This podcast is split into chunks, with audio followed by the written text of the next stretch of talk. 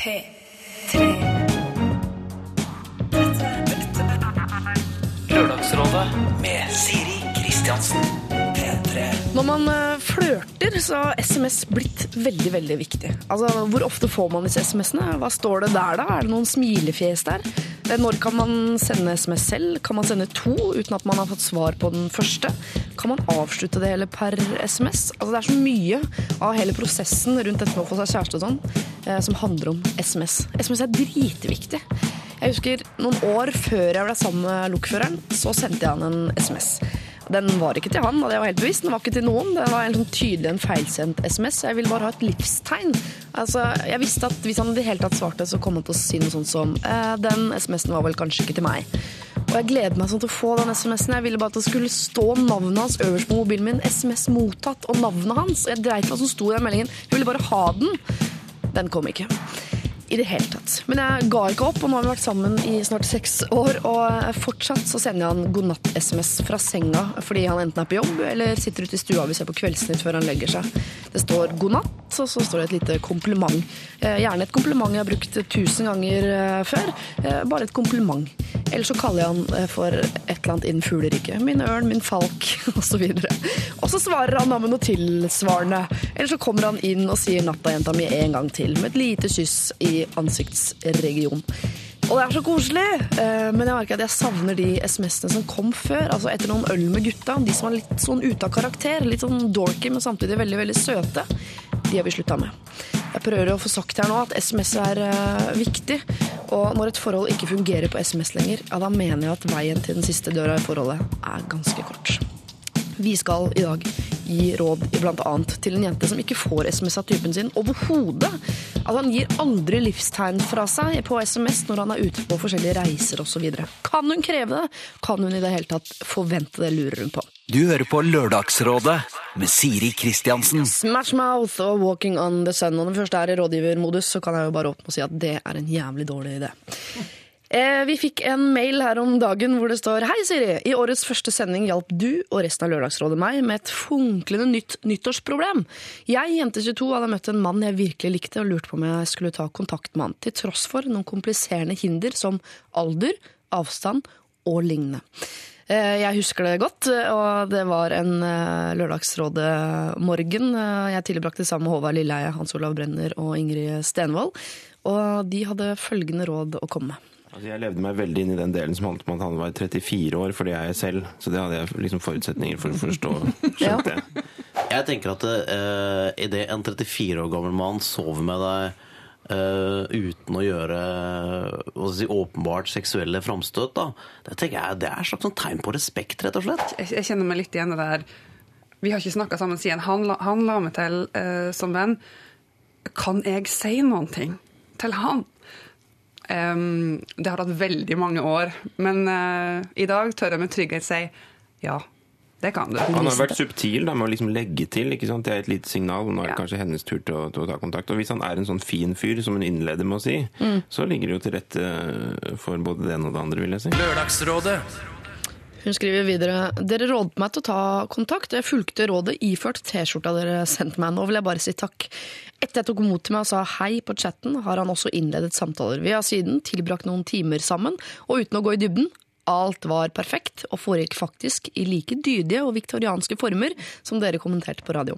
Snart skal vi møtes igjen, og hvor utrolig det enn er, dette ser, selv om vi bare holdt på å bli kjent, lovende ut. Jeg svever rundt på en rosa sky med takknemlighet i hjertet og sommerfugler i magen, og det kan godt hende dette ender i tårer, men det er i tilfelle ikke Lørdagsrådets fortjeneste. Så tusen, tusen takk. Hilsen meg. Du, bare hyggelig på vegne av oss alle sammen, rådgiver i gjengen, og meg sjæl, teknikere, eh, kringkaster osv. Eh, håper det ordner seg. Hvis du har problemer, og du nå åpenbart skjønner at det er vi som sitter på de fleste løsningene, så eh, send det inn til oss på mail, gjerne.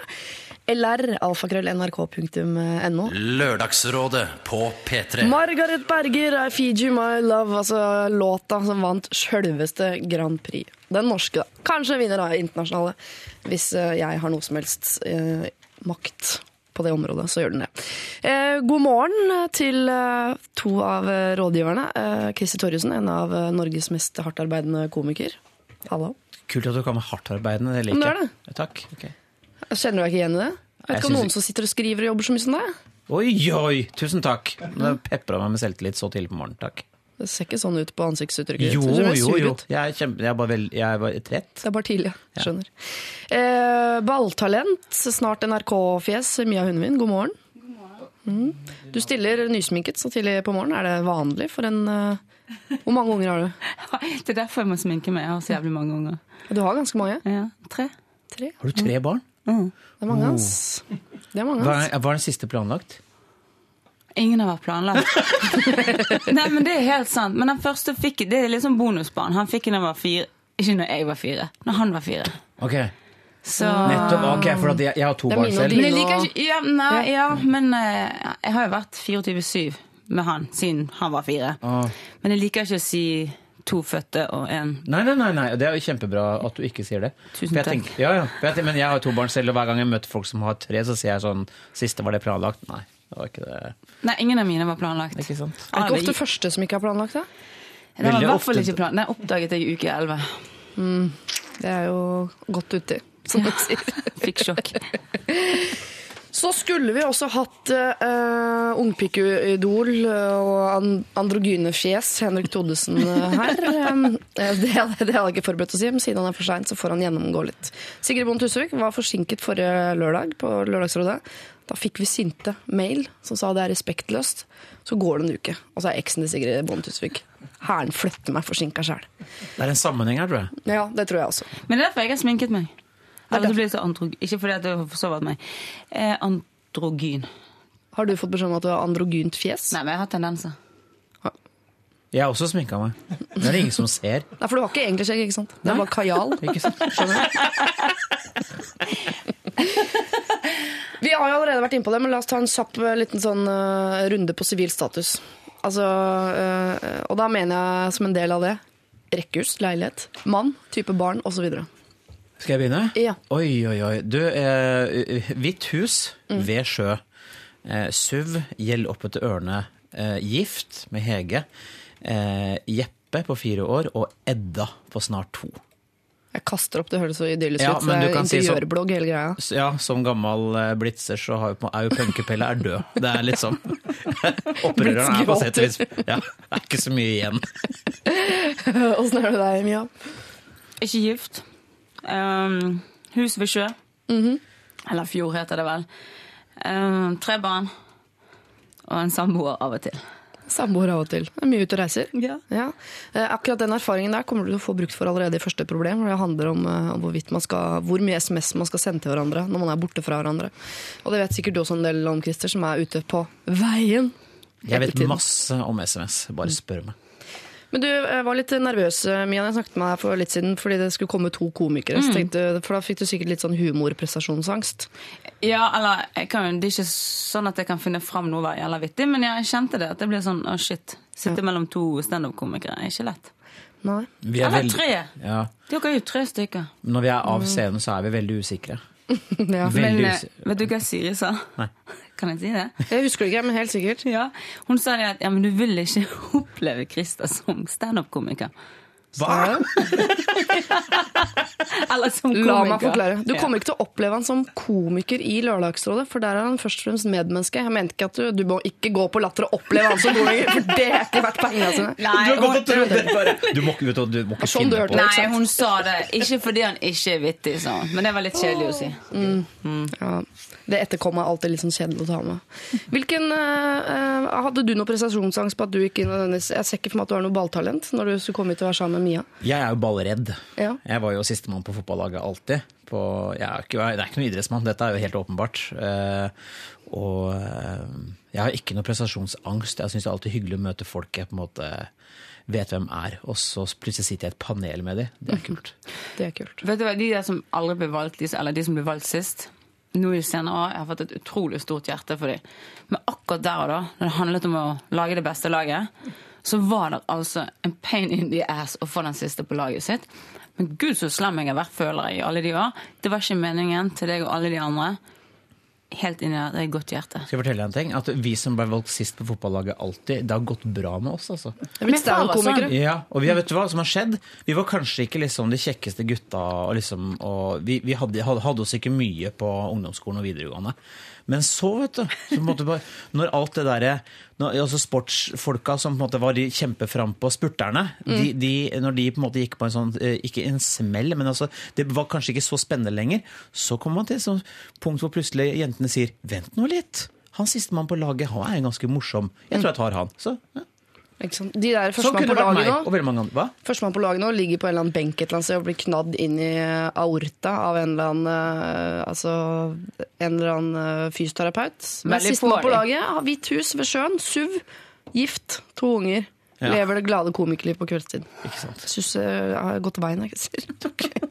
Hvis du har lyst til å få noen råd av disse feine, flotte menneskene, så må du sende inn problemet ditt eh, til oss. Gjerne på mail lralfakrøll.nrk.no eller på SMS. Da er det kodeord eh, til nummer 1987. En som sikkert har trengt mye råd opp igjennom, og ser ut som har fått det nå til slutt, er Lene Marlin. Dette her er You Weren't There. Lørdagsrådet Lene Marlin, vesle, vesle Lene Marlin, you weren't uh, there. Vi skal gå rett inn i første problem, og uh, rådgiverne har med meg er Christer Torjussen og Mia Hundvin. Jeg leser. Hei, jeg har et problem med min kjæreste. Vi har vært uh, sammen i litt over to år og har bodd sammen i litt over ett år. Vi er i slutten av 20-åra, og begge er ferdig utdanna og jobber på fulltid. Ingen barn.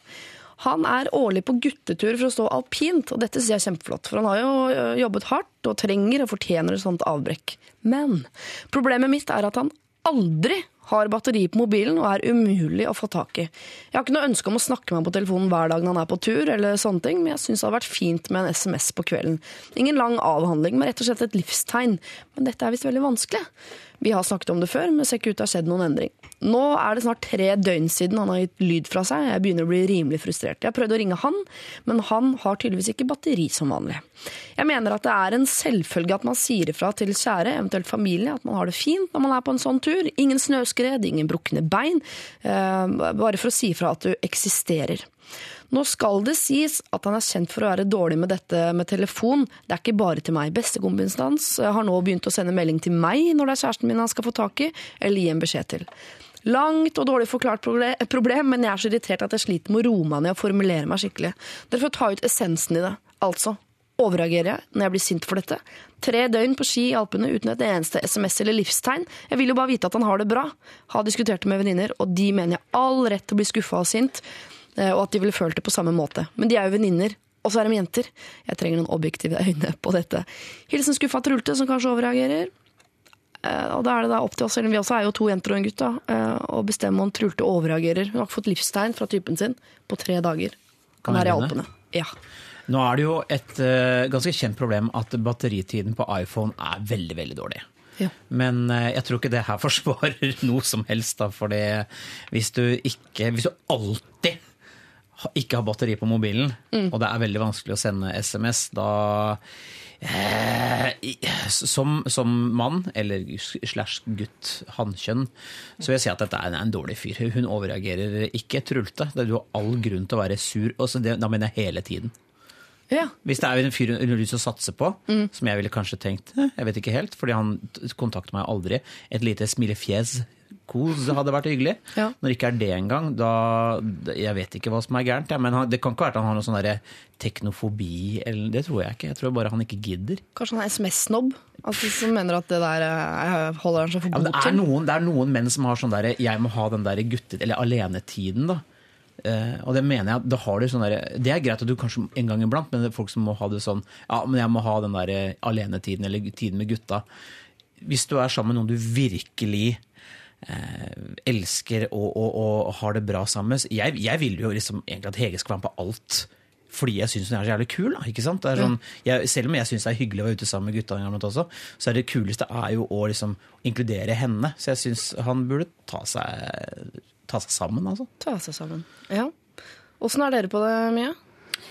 Altså, et livstegn er jeg helt enig i, det burde hun ha fått. Men jeg bare lurer på om batteriet er det i utlandet det plutselig ikke virker, eller var det generelt? Ja, det høres ut som er en sånn fyr som alltid er tom for batteri på mobilen. Ja, De finnes jo. Ja. Eh, og jeg bor jo sammen med en som reiser veldig mye, og ofte på gutteturer i fjellet. Ja. Eh, og da er det sånn at vi SMS-er ikke eller snakker sammen hver eneste dag.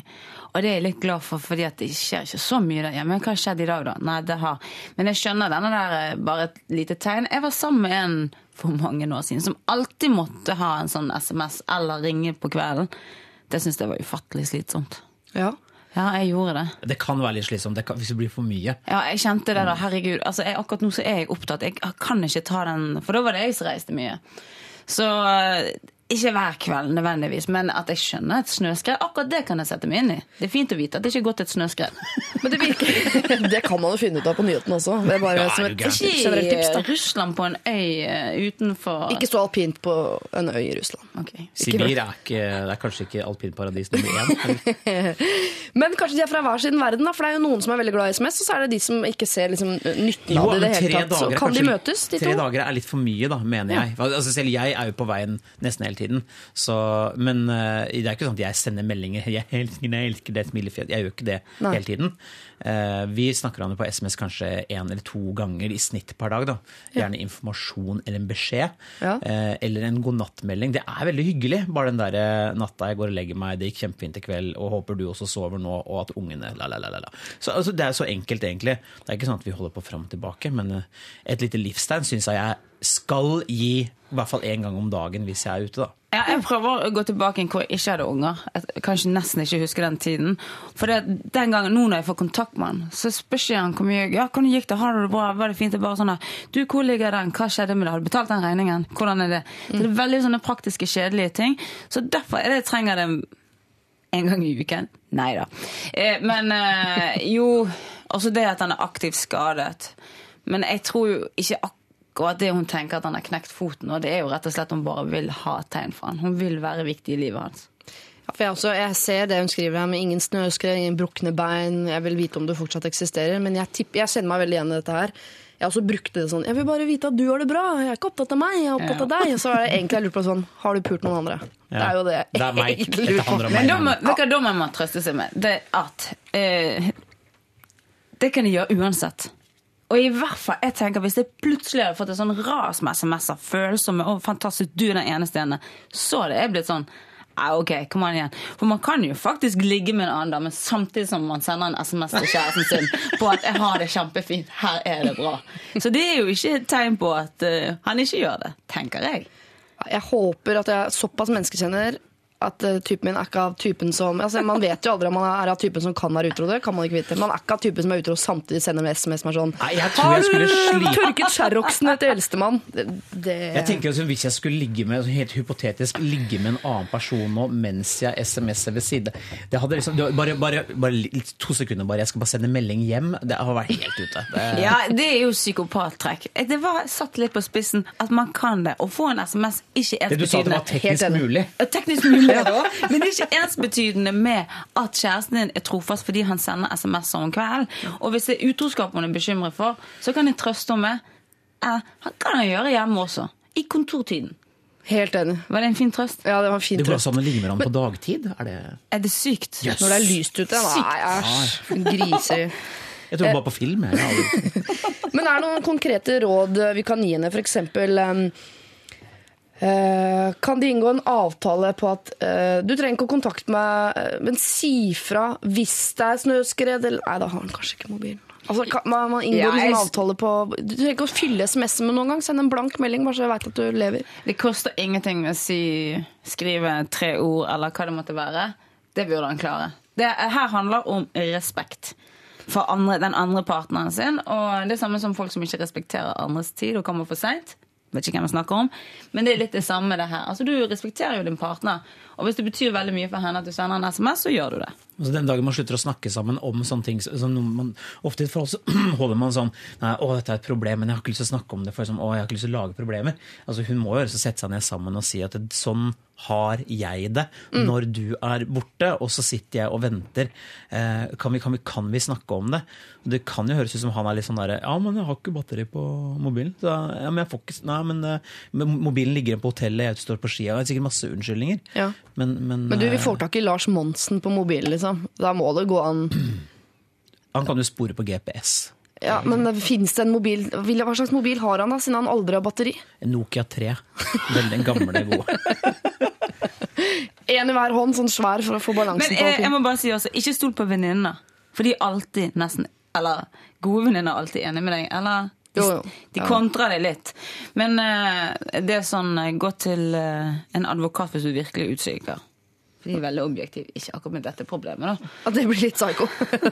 Det blir litt dyrt for hyrer en advokat. Du, er, er det meg eller hvordan er det her? Den skal betale 3000 kroner for Bør han sende meg en SMS? Hvordan holder det her i retten? Uh, nei, men eh, Du kan heller bruke de 3000 kronene på en telefon med litt bedre batterikapasitet. Men Tenk litt på hvordan det var før, da, før SMS og alt dette her sånn, Uh, hvor det i telefon kanskje ikke var så eh, åpenbart tilgjengelig. Ringe fra utlandet var svinedyrt. Det var sånn 37 kroner minuttet. Bare det å ringe etter klokka, eh, før klokka fem i Norge var jo en dødssynd. Ja. Nei, må ikke ringe Riks! Det var liksom, Folk ikke ringe etter klokka fem, sånn var det jo. Og så, den gang så hadde vi det jo sånn, ikke sant? Man hørte fra hverandre. Kanskje en gang, Hvis du hadde, fikk du én telefon per dag, så hadde du flaks. Så vi lever jo opp i en sånn tid nå hvor det er en sånn massiv krysskommunikasjon med SMS, FaceTime eh, Ikke fax, det er dødt, men altså, det er veldig mye. Ja. Og så tror vi egentlig forventer sånn som du var litt inne på, vi forventer egentlig mer, bare for vi lever oppe i den der digitale motværet med så innmari mye eh, kommunikasjon, at eh, når telefonen min ikke virker, så er det nesten litt sånn befriende nå. Det er rart, jeg får litt angst, men det føles også litt bra. ja, Det glir over i at det er befriende, for med en gang så er det fryktelig. Ja. Du mister en arm eller noe sånt, og det, du er ikke på nettet i det hele tatt. Men jeg husker når jeg, telefon, hustelefoner, det er jo nesten ingen som har det heller. Da telefonen ringte hjemme da jeg var liten, han var faktisk til meg. Det var et stort øyeblikk. Åh, det var gøy. Ja. Det var nesten, altså, eller brev i postkassa. Altså. En ja, i året. det var liksom. helt sånn, folkens. Det var the walk of Å, herregud, se på Beatles, han har kosa med mimringa. Alle 15-åringer som hører på, sånn, hva er det de snakker om? Telefon? Hva, er det for noe? Vi bør legge ut et bilde på, på nett. Men hun kjenner jo kanskje noen av kompisene til han her som er ute og reiser. Kan Ja. man inngå en deal der? At hun kan ringe til de og høre? Ja, når de reiser, og sier du gidd du bare å si Be han sende, eller bare men gi. du, er ikke det litt som går som en omvei å si kan jeg alliere deg med deg for å se om han kan på en måte kontakte meg? Det der må jo komme fra han. Hvis han, ikke- og hvis han ikke gidder Tydeligvis det ikke. Nei, ja, men Hvis han ikke gidder det, så syns jeg han er en kjip fyr, da. Ja. Eller så er han bare veldig vimsete. Nei hvis du, er, hvis du er glad i noen og har lyst og liker henne og liksom vil være sammen med henne, så skal du gjøre litt mer innsats enn det der. altså. Ja, men du vet hva det. De vet ikke hva de har før de mister det. Tror du Trine Rein sitter sånn hjemme og sånn Han kunne godt sendt SMS hver dag når ja, Lars han er jo i Sibir, oppe i en alpinbakke. Nei, altså, Ja. han, han, han er jo langt unna hele tiden. Han er vel nesten det vi kaller for utenfor dekning hele tida, er han ikke det? Jo, han var i hvert fall. Så sier han i hvert fall. Eh, Egentlig har han bare vært med Hemsedal hele tida i sånn jacuzzi med noe billigere damer. Hvor vanskelig kan det være?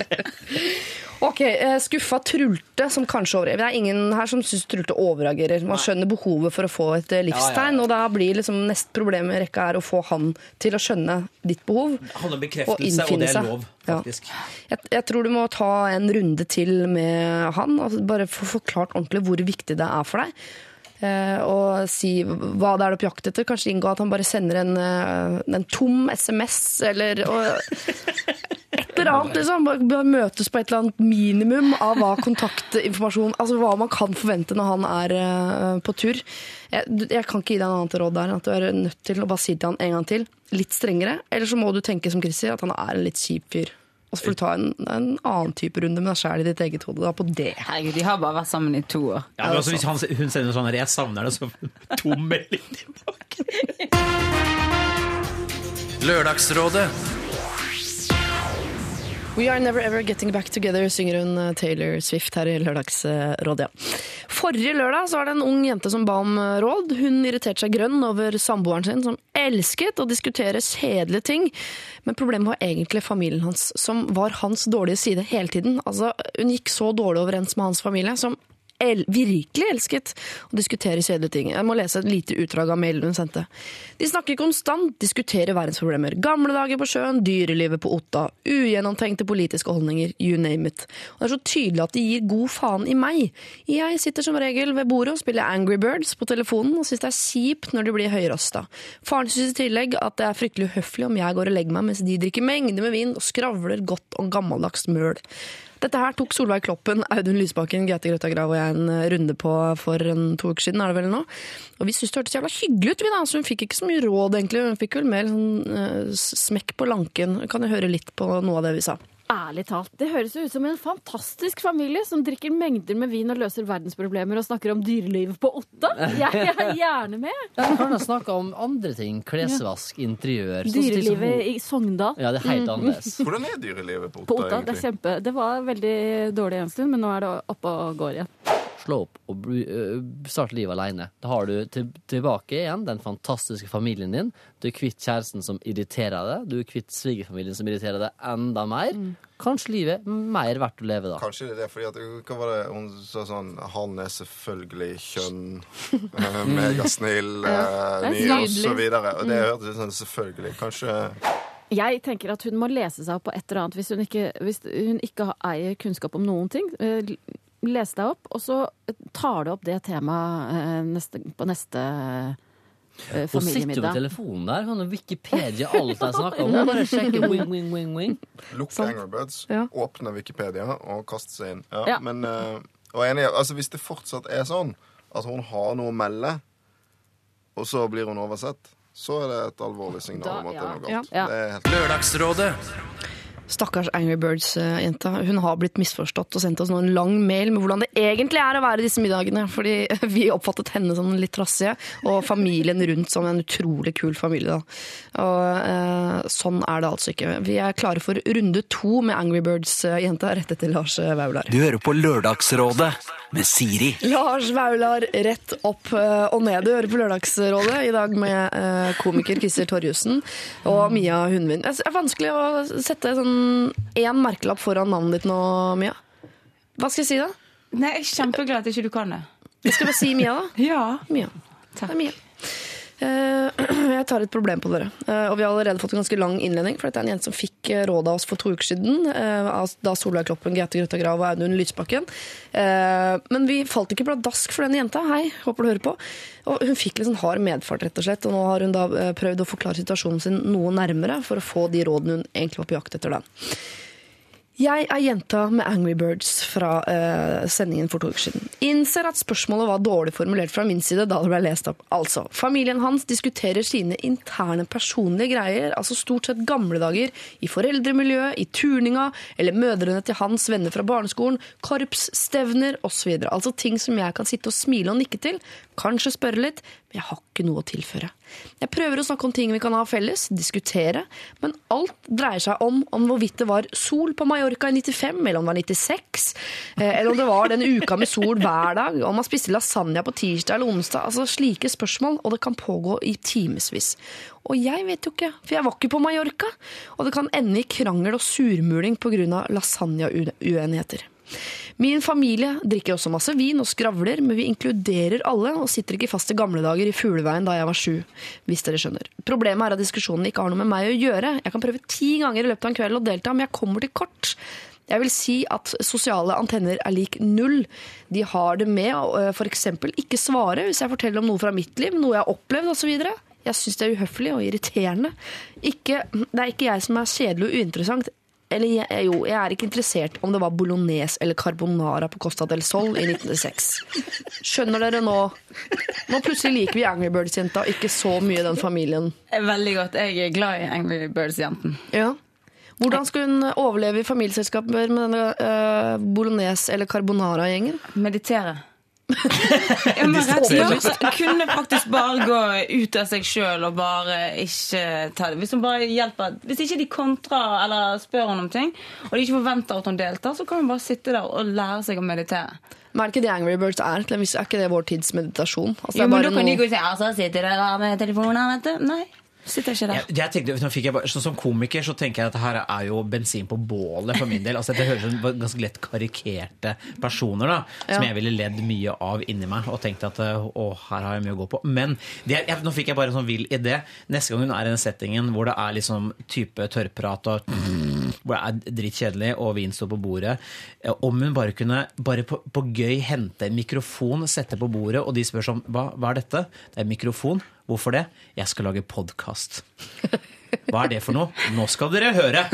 Jeg tror, jeg tror det er altså, bare potensialet der. da Bare sånn, sånn tomprat.no. Ja, du hører det, du. du hører Jeg vil, jeg vil skulle gjerne hatt en time jeg kunne høre på. Men så vil jeg antakelig havna på Angry Bird-jentas side og tenke Vet du hva, du har helt rett, dette er ikke engang verdt et podkast. Det er ingenting. Jeg skjønner at du kjeder deg.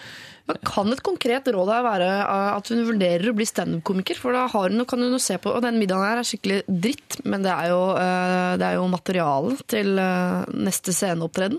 Og kan sitte og notere, og så kan hun rante svigerfamilien sin på scenen uka etter. Ja, det er jo, du kan si Det å bli standup-komiker er jo en eh, det er, det er jo ikke for alle. Men i hvert fall så kan hun lett, i hvert fall, eh, om hun tar notater underveis Jeg vet ikke, men jeg, jeg syns det bare høres Men ja, men Det er sikkert kjempegøy for oss nå å høre det. Og så kan man alltid relatere til sine egne svigerforeldre, hvis man, eller familie, hvis man har det. Eh, Men jeg vet du hva, jeg skjønner henne. Det er ikke morsomt lenger. Når hun skal gå inn i det, men det høres ut som de spiser middag en gang i uken. Jeg hadde kanskje prøvd å komme meg unna noen av de middagene. Ja, det skrev hun forrige gang at før feiret de jul og sånn uh, sammen, men nå uh, velger hun faktisk å ikke delta, for hun orker ikke være sammen med mer.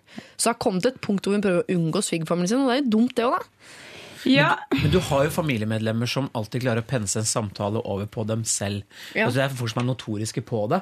Du kan sitte og prate, ikke sant? og så sier man sånn eh, Ja, vi har vært i, i Frankrike Frankrike, ja, ja! Jeg var i Paris i 72, og vi hadde en uke i Marseille. Som var altså bare, la, la, la, så handler alt om de plutselig. Og det er utrolig vanskelig å kontre de menneskene.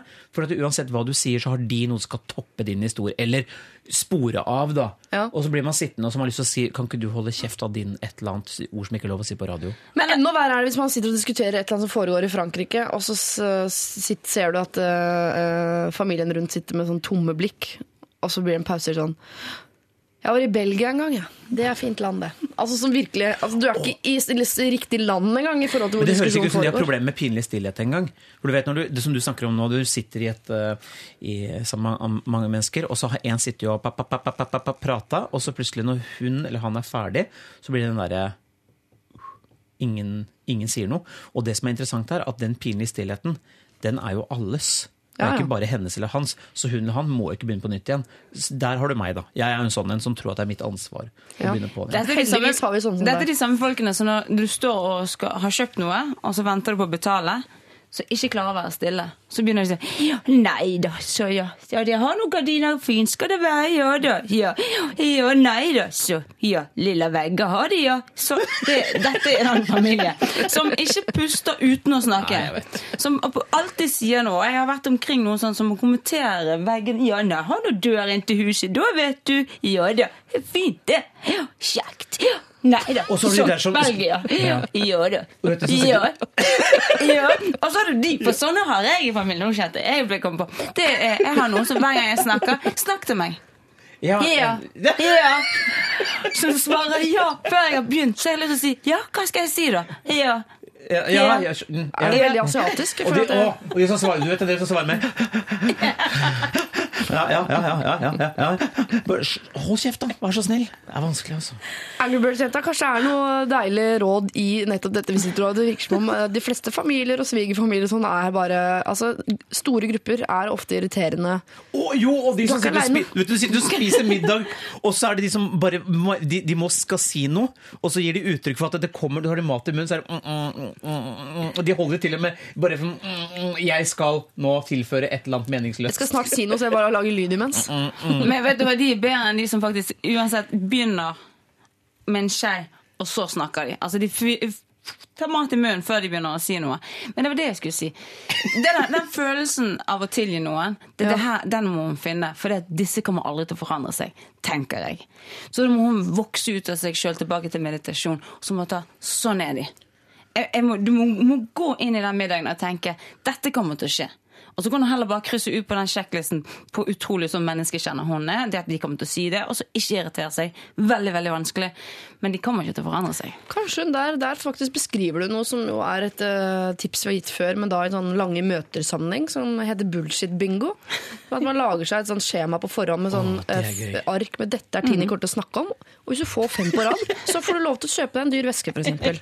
Oh, det er fint. Fordi da vil du plutselig at de skal snakke om de tingene du hater at de snakker om. Så hvis, det er sånn, hvis bolognese eller Costa del Sol blir nevnt nå, så er det én kryss. Og hvis jeg får fem kryss i løpet av middagen, ja, så kjøper jeg de skoene. Og hva annet hun kan gjøre, hun kan notere, som du sa også, ta notater, så si nei, det var ikke 25 grader på Costa del Sol i 1995 den 4. desember. Det var faktisk 24. For det har hun skrevet ned. Det visste hun fra forrige Og det sa du familiemøte. nemlig forrige uke, så det kan jeg bruke mot deg. Nemlig. Står her.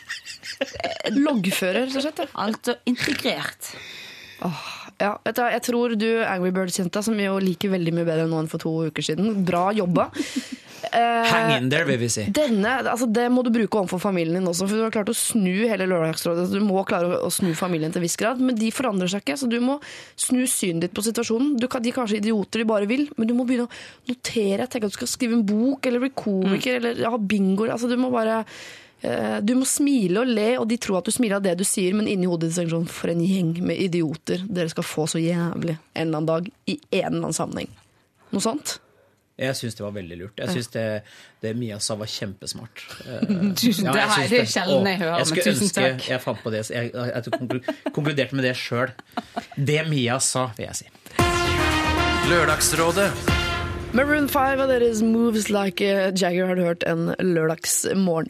Eh, Henrik Thodesen er på vei. Enn så lenge så skal eh, Mia Hundvin og komiker eh, Christer Torjussen få lov til å bryne seg på et problem som jeg syns er veldig morsomt, og som jeg til en viss grad kjenner meg veldig igjen i. Du kan jo høre om dere også gjør det. Hei, Lørdagsrådet. Jeg er lykkelig gift med min fantastiske kone, og vi har to supergutter. Jeg har fint lite å klage på, men jeg har et bitte lite problem som jeg gjerne vil ha deres forslag til løsning på. Etter at vi fikk barn, tilbringes de aller fleste fredag- og lørdagskvelder hjemme. Ofte blir vi sittende foran TV-en, og jeg er veldig glad i å se film og foreslår stort sett alltid det istedenfor TV-zapping. Kona er ikke spesielt opptatt av film, men er nokså fast bestemt på hva hun absolutt ikke vil se. Og det er gjerne den typen film som jeg vil se, da. Action, krigsfilm, eventyrfilm, thriller og lignende. Så for at det skal bli film i det hele tatt, så blir det stort sett eh, filmer som hun velger. Da går hun nesten alltid for filmer i kategorien drama fra virkeligheten. Aller helst om noen som er sjuke med en veldig spesiell diagnose. Iblant en og annen romantisk komedie. Eh, filmene kan være bra, men hver bidige gang så sovner kona på sofaen, gjerne før det har gått en halvtime. Så blir jeg sittende og se en halvinteressant film om menneskelige skjebner mens hun sover søtt, og kanskje våkner, rekker å mumle 'skru ned lyden' før hun sovner igjen. Jeg har prøvd meg på å vekke henne, sette på pause til hun våkner osv., men det er meget upopulært. Vi har hatt mange diskusjoner om dette, og hun blir uten unntak sinna. Hun sier at hun er så sliten i hjela at hun må få lov til å sove. Men hvis hun uansett helst vil sove, så skjønner jeg ikke hvorfor ikke vi bare kan velge en film som jeg vil se, for så å legge seg godt til rette og sove seg gjennom en skikkelig actionfilm. Hun ser jo ikke filmen uansett, så må det være samme for hun. Men det er det altså ikke. Jeg har gjort noen forsøk på å velge annenhver gang, siden det veldig sjeldent er filmer begge har lyst til å se, men det blir gjerne til at jeg velger noe jeg håper hun også vil ha glede av, og så blir ingen av oss fornøyde til slutt. Det er eh, mulig jeg bare må gå i meg selv her, men jeg prøver likevel. Noen råd til hvordan jeg kan få kona til å la meg velge film? Hilsen mann 31. Åh, jeg kjenner meg litt igjen her. Det er, Men det her høres ut som Hvis man, hvis man skal på en måte marginalisere problemet her, så tenker jeg play along. Eh, og når hun sovner, ha Netflix klar. Sett på Zombie Holocaust og kos deg. Og se på en slasher-movie, liksom. Og når hun våkner og sier hva, hva ser du på? Jeg ser på drittfilm. Altså, jeg, jeg, jeg ville gjort det sånn, da. Men jeg ser jo problemet, for det er litt den kvalitetstiden man prøver å ha eh, små barn sliten og sånne ting. Og jeg har jo vel kanskje jenka meg et par ganger til en og annen film jeg ikke har vært drittype på å se. Men er ikke det lov å leie to filmer? Ja, ja. Leier man filmer lenger, da? Ja, ja. Ja. Det går du i videobutikk? Ja. ja, gjør du det? ja god deal på sjappen. Lokalsjappen. Gjør du det? Fysisk? Ja, ja en god deal. Handler du CD-er også, eller grammofonplater? Jeg gjør ikke det. Men uh... Jo, men da blir videobutikken har nå skjønt at jeg er i ferd med å dø, så jeg har mye sånn gode dealer. som er Sånn, lei en film, få en gratis. Lei det en uke om du vil. De er jævla rause nå på videobutikkene. Ja, kjøp en pizza, få video på kjøpet, det er Ja, fantastisk. ja. Eller lei gratis, og så bare gir du oss en T-skjorte innimellom. Så lenge du sier hva du syns om filmen etterpå, så er det greit for meg. Vi er på vei dit. Men altså, leie to filmer, da? Ja, eller unnskyld, ikke leie meg. Du sier jo det er Netflix eller hva fakaten de har der hjemme. Ha en annen klar. Det det her er litt sånn at det er jo ikke et problem. Hun sovner jo. Så kan han være dritgrei. Si, vet du hva, den leier vi. Den ser bra ut. Så vet han. Hun sovner etter 30 minutter. Ja. Bytt. 30 minutter med Hugh Grant orker man hvis man vet at det er Hobbiten. Man der, vet, altså. hvis det vanker litt uh, god gammeldags horror etter det, så, så ville jeg jo Jeg kunne tatt Hugh Grant nesten hver kveld. Men jeg har samme problem hjemme, at jeg, eller vi, altså det er forskjellige filmer man vil se. Og da kommer, hvis det er min samboer som skal leie, så kommer han jo ofte hjem med to eller tre filmer. Og den han har valgt til meg, har ofte disse kransene. Som Ja. har vunnet som Berlin Ja. og sånn. Da skjønner han, det vil sikkert hun se. Så tar han det sånn. Men han syns jo det er helt ubegredelig kjedelig. Så han har i hvert fall skjønt det. Men jeg må kanskje prøve å møtes litt på, på halvveien nå. For at hvis man finner noe som begge to Vi har funnet et par sånne serier vi liker begge to. For eksempel Ja. jeg ser på Modern Family, som er en utrolig morsom serie. Ja. Og den er så kvalitetssikra, den serien, at hun ikke ser på hvis ikke jeg er der, og omvendt. Det er ikke lov er å se en-. Det er ikke, ja, ja, det er ikke lov å se en episode sjøl. Sånn gjør man bare ikke. Nei, Altså, Hører du det, lokføreren? Ja, det, Si det en gang til. Man har ikke lov til å se vår felles serie aleine, Mhm, lokføreren. Og eh, jeg er helt enig, men vi har funnet et par sånne serier. da. Sånn som Solsida nå. Når Mm. første sesong var over, så var det sånn Hva skal vi gjøre nå? Hva, vi har ikke noe Vi har ingenting å hva, TV? Hva? Altså, det var, plutselig falt noe bort. Men så finner man nye ting. Ja. Og så eh, Man må bare leite litt, og finner man den fellesplattformen, så er jo kvalitetsstigen sikra i og med at man kanskje er småbarnsfamilie og ikke har eh, den derre Oi, skulle vi ligge sammen hele lørdagskvelden da, gitt? Eh, det har vi ikke overskudd til, og barna så, ja? Men er, det er lettere med serier òg, tenker jeg, enn film. fordi hvis hun sovner etter ca. en halvtime, da må finne serier som er sånn halvtimesepisoder. Eller, eller strekke deg til tre kvarter og, og sitte og poke den sånn litt med noen sånn sushipinner i hofta til, som får med seg en hel episode. da. Altså, det er mye lettere å si sånn ja, Hvor mange episoder så du etter jeg sovnet? Jeg så to. Ok, da må jeg innhente. Ja. Sånn funker jeg.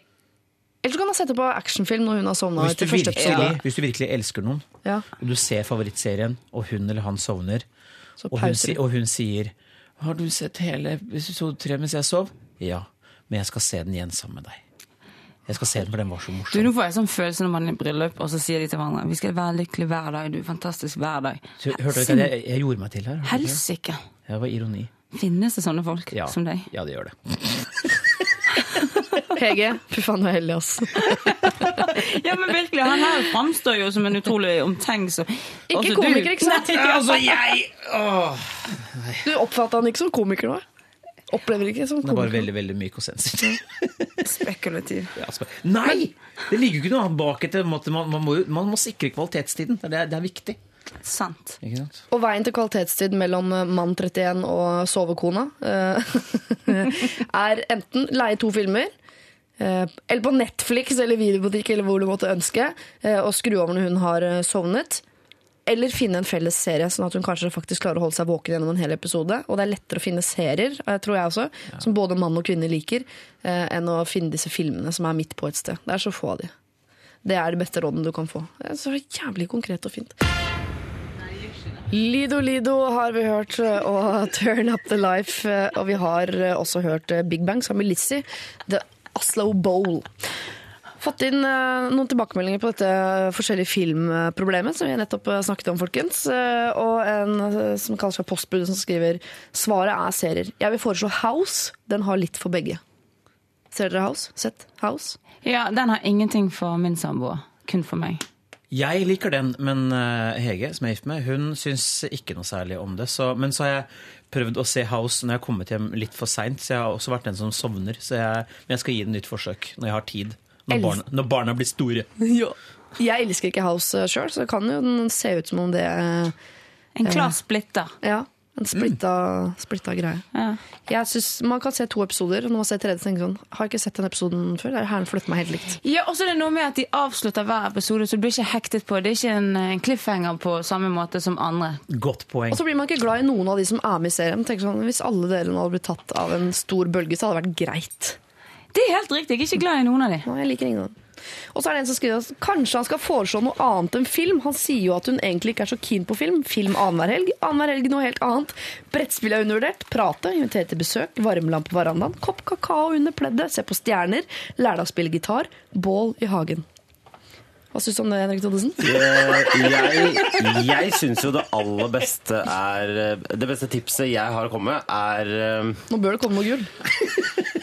Hvorfor ikke bare være altfor seint oppe i forhold til det du har tenkt, og så forsove deg dritmye til det du hadde forespeilt deg dagen før, da? Ja, Hva med det? hva med det? Det er jævlig gøy. Eh, vi fikk Eller i hvert fall fram til du gjør det, da. Alt, fikk, alt fram til det. fikk du uh, meldingen jeg la igjen på mobilen din i dag morges? Nei, jeg har ikke rukket å høre på ennå. Kos deg med den. Takk. Nå, etterpå, etter tolv kan du kose deg med den. jeg gleder meg. Den er fin, den. Tusen takk. Eh, som du hører, du som hører på, så har eh, altså nå eh, alle rådgiverne kommet. Eh, Og gjett om du er glad for det, ja. Det er Gjett om du er glad for det, ja. altså. Fy faen! Og da er det fint at vi har kommet dit hen i eh, Lørdagsrådet at vi er, eh, skal stille et spørsmål til, til dere rådgivere. Og i dag har vi, som vi har begynt å få mye av i det siste, et felles spørsmål til alle tre. Eh, Jeg er klar. Og dette er da helt tydelig kommet inn før du kom inn, Henrik. Eh, For det er en som spør her, hvordan har dere forandra dere etter at dere fikk barn? Henrik? Du kan tenke litt på det mens eh, Christer og Mia Mm. hiver seg over. Eller må Mm. dere tenke litt sjøl? Nei, nei, jeg kan eh, svare, jeg. Eh, klart man forandrer seg, for at eh, etter at man får barn eh, Livet bare snur seg fullstendig på hodet, og prioriteringer blir annerledes.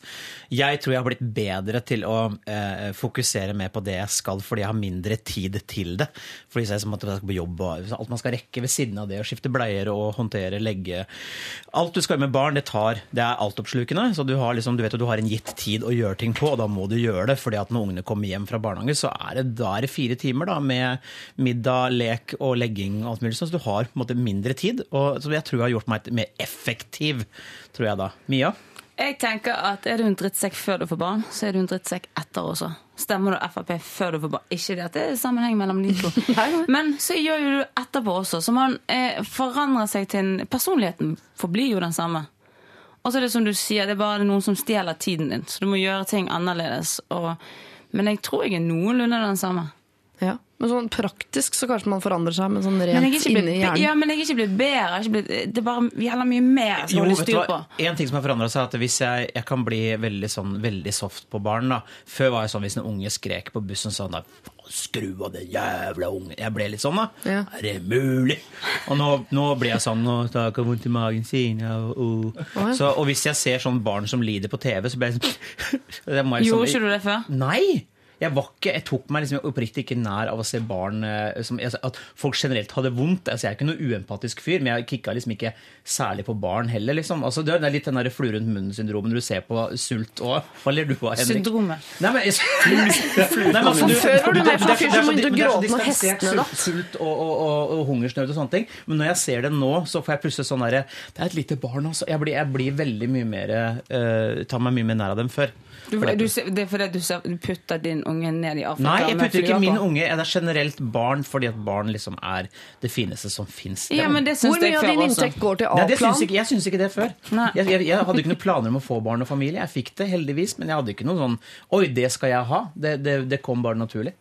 Eller som en liten overraskelse. At, Mm. jeg ville, at jeg skulle få denne, det privilegiet. Ja, sånn tenker man jo. Ja, man må jo det. Henrik, har du fått tenkt litt nå? pass. Pass? Pass. Jeg sier pass. Mm. Eh, Henrik hiver seg på, eh, på neste problem. Han, eh, Men kan jeg få si noe med? Ja, ja, ja, Eh, ja. Fordi at foreldre får veldig ofte altfor stor sånn Man tror at 'å ja, de har barn, de er fornuftige'. De er jo stort sett ikke det.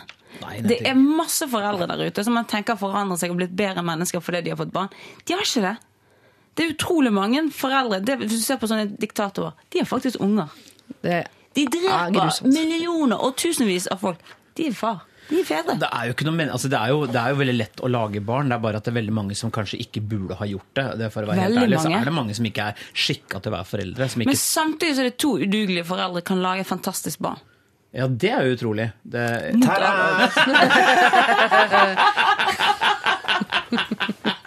Sender mange av dem, sender mange av dem faktisk.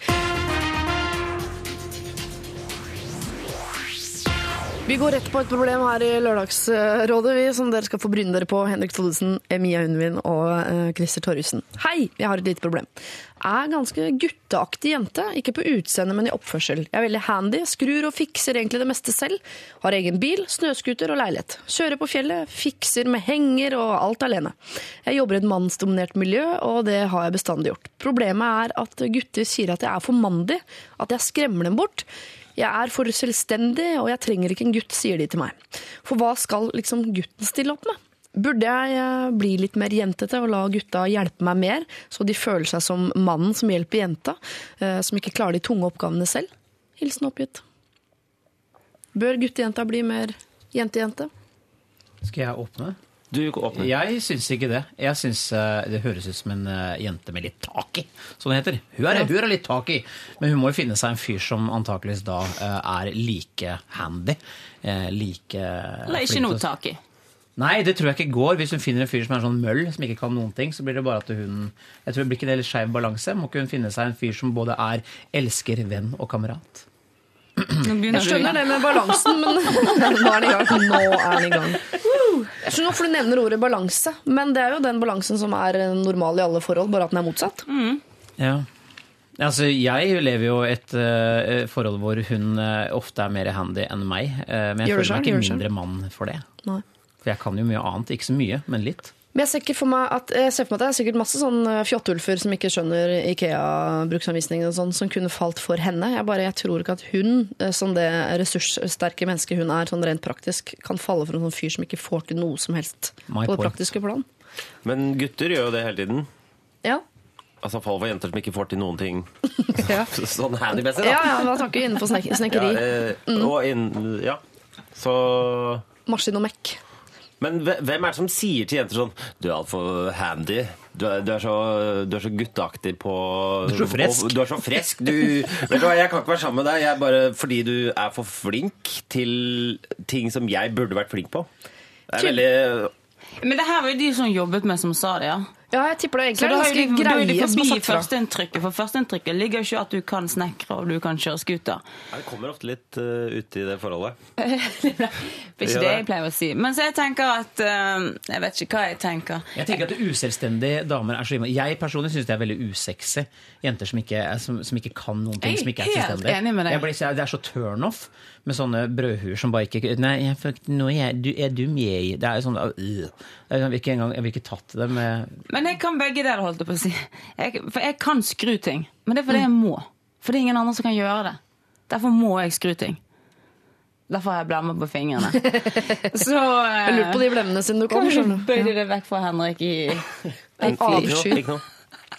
Jo, men dere skjønner, altså, Dette har jeg snakket med uh, mange om opp igjennom.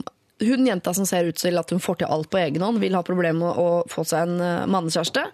Fordi han vil tenke men hva skal jeg bidra med? For min oppgave i utgangspunktet er jo å passe på deg og sørge, altså hjelpe deg og passe på deg. Det er et eller annet sånn huleboerinstinkt snakkes det om. Men og hvis ikke det- det ja. vekkes i en gutt, så kanskje så tenker de hva trenger du meg til? Du får det jo til selv. Ja, Men når du er på skap nummer 400 i den Ikea-boksen, og kjæresten din fortsatt står sånn Er det den skruen?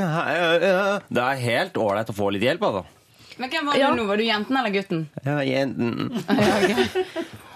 Men bør du bli Ja. mer jente? Er det noen som tenker at hun burde Nei, jeg, nei, vet du hva? Jeg, virkelig ikke.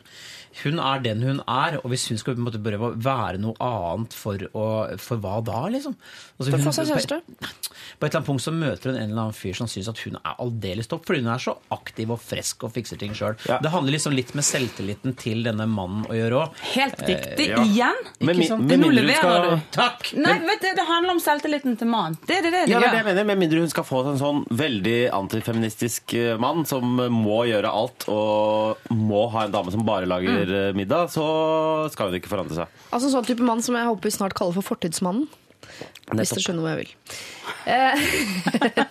Jeg, jeg stemmer nei. Ikke, ikke forandre seg. Ikke i det hele tatt. Men hun trenger ikke ta scooteren til puben. Nei, det kan, altså, øh, Jo, hvorfor ikke? Altså, hvor, hvor, hvor, hvor ofte tar man scooter til puben, egentlig? Det kommer an på hvor du bor. Nettopp. Torsdager. Kan det være mer jente jentete? Kan være mer jentete bare akkurat i den bli kjent-fasen? Altså, kan hun bare snuble litt, eller være litt seitete? eller Nei, nei, nei, nei, nei, nei. Nei, Uff, nei. Da driter du deg på, på lang sikt. Ja. Ja. Du må bare Men dere ber henne jo å parkere snøscooteren, så hun gjør det på en måte. Hun parkerer jo noe av manndommen i garasjen. Vet du hva? Hvis hun hadde sagt til en fyr sånn, vet du hva, jeg har snøscooter, skal du bli med ut på La oss si vidda, men nå bruker jeg fordommen min og tenker at hun sikkert bor der oppe. For det er ikke så mye snøscooterkjøring her i Oslo by, som jeg vet om. Alt for lite, spør Alt for meg. lite. meg. Så ville jeg tenkt at det liksom, ja, det er hypp å være med på. Jeg er hypp på å være med henne på en scootertur. Hvorfor ikke? Men jeg tenker, Hvis hun bor på et sånt snøscootersted, så bor hun på et sted hvor alle har snøscooter. Mm. Det er, er, er noe sånn Ja, er snøscooter midt girl mellom der? meet snøscooter guy. Boy, boy, boy. Boy, Boy. boy, Boy. man, Boy dude. Men jeg, det jeg kan si da, at hun her har vel ikke antageligvis en kjempebasseng full av gutter som står og venter på henne, men når hun først treffer den gutten som liker henne, så kommer det til å være mye bedre match enn alle de der Jeg har prøvd å snakke om det for at det er veldig mange jenter og gutter midt på som liker Altså jeg liker sånne som deg, jeg kan ikke vi bare bli så finner hverandre to, to, det er litt tilfeldig hvem det er, fordi alle er litt sånn cirka sånn. Og så har du jo alle ytterpunktene som sliter med å få seg kjæreste, men når du først klaffer, så er det mye, mye bedre. Større, mer ekte, bedre, deiligere kjærlighet. Varer lenger. Varer lenger. Så du, altså jakten altså Det kommer til å ta lengre tid før hun får seg type. Men det kommer til å bli mye bedre i andre enden. Eller er jeg på vidda nå? Nei, vet du hva. Nei, du var veldig- På sku med skuta. Ja. Men eh, nei. oh, nei, jeg syns det var nydelig. Bra parkert. Ja. Skuteren. Skuteren. Ok, da har vi kjørt oss fast med scooteren og går eh, videre, eller kjører videre om du vil, her i Lørdagsrådet med Ida Maria. Dette her er Oh My God.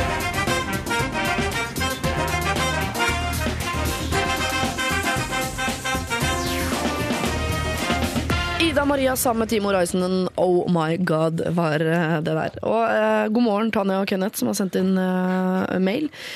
Jeg er mann, jeg er gift med ei guttejente. Hadde ikke, vært hadde ikke hun vært så selvstendig, hadde jeg ikke orka å være gift med henne. Jenter som klarer seg selv, er det beste som fins. Altså, du er ikke aleine, Christer. Det fins sånne gutter som liker sånne jenter. My man. Altså, det må jo min samboer også like, tenker jeg. Ja, min nå. Min nå. Jeg er så mye flinkere enn lokføreren til å montere ting. Eller se for seg ting i 3D uh, osv. Jeg er så mye mer praktisk anlagt. Men du er jo sjukt god til å se for deg ting i 3D. Jeg er veldig god på å se for meg ting i 3D. Alltid vært god på 3D. Og du er så god på trenger komplimenter. ikke du, Henrik. briller engang. Nei. Nei. Ok, vi skal ta et ganske kort og enkelt uh, problem sendt inn av en ren og pen gutt. Er det deg, Henrik? Ja.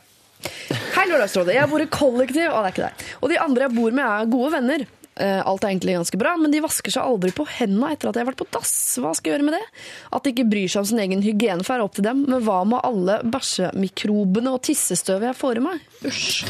Eh, Jeg kan svare på det, på det her. Eh, Det tar mange år, men man til slutt ved å leve sammen med sånne folk lenge nok, så kommer man over de Og jeg vet at det er en, en, nær psykoseaktig tanke som går opp i hodet non-stop. Men om kanskje ti år så bare går det over. Jeg mener at de begynner å vaske seg på hendene, eller at ren og pen gutt begynner å, uh, slutter å- bekymre seg for uh, tissestøv og bæsjemikrober. Ja, fordi når man har tenkt tanken du har tissestøv og bæsjemikrober over hele deg og veldig masse av det i håret, om absolutt alle for det, som ikke vasker seg på hendene Når man har tenkt den tanken en million ganger, og det tar ca. ti år, så begynner man å bare OK, jeg må bare lære meg å akseptere at det er uh, tissestøv og Bæsjemikrober. Overalt. Jeg kan anbefale en tur til India. Uh, Det kan ikke jeg. Nei, jeg drar aldri tilbake. Jeg fikk jo salmonella, for jeg er jo notorisk eh, idiot på Jeg skal alltid kose på dyr. Det gjelder ku, katt, hund, det meste som kommer i min vei. Og jeg gjorde jo blemma og ikke kanskje være kjempenøye med hygiena etter å ha klappa til dyrene, og blei jo drittsjuk. Så Bokstavelig talt? Å, så jeg trodde Jeg ble en gammel dame, jeg. Jeg ble det. Ja. Jeg var sånn, når jeg, skulle, når jeg har vært på legevakt jeg kom tilbake til Oslo to uker tidligere enn jeg hadde planlagt å reise hjem, så var- sto jeg i resepsjonen og sa sånn Kan jeg bestille en drosje til meg? Det var ikke mer igjen av Fikk du TT-kort? ja, omtrent. Jeg sa kan du finne fram på småpenger? Jeg var helt ute. Så, så etter det så har jeg vært veldig mye flinkere til å vaske meg på hendene. For det jeg tar i, har jeg en Kanskje man piller seg i munnviken eller en finger i øyet, øre, munn, nese. Man kommer til å bli ganske resistent for eh, sykdommer, tenker jeg. Altså, Han det har det? Så, ja, når, så når barn mister smokken på asfalten, og foreldre så stapper den i kjeften før de stapper den i kjeften på ungen, Det er jo et, rett fra asfalten inn i kjeften. Jeg, jeg har gjort Bygg det et par ganger. Ja, hva har du gjort? Smokk i kjeften før jeg putter den i På, det er på småsøsken. Ja, det er ikke bra.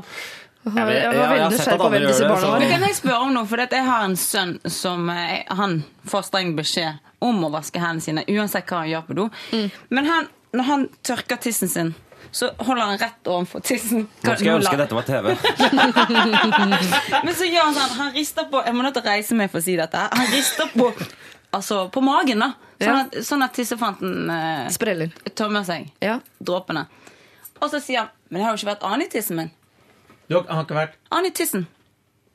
Han kontrer meg med det. Jeg har ikke vært ikke tatt tissen. på tissen Ja, min. ja. Ja, tissen. Nei, jeg bare oversetter. Ja, Tusen takk. Eh, Er, er, det, er det riktig?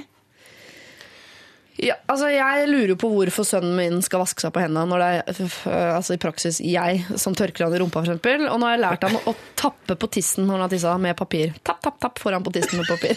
Så sier han Bare også bare tapp, tre ganger. tapp. Bare tre ganger. tapp, tapp, sier han til meg. Ikke, ikke mer enn tre. Nei, det er tre. Det er tre.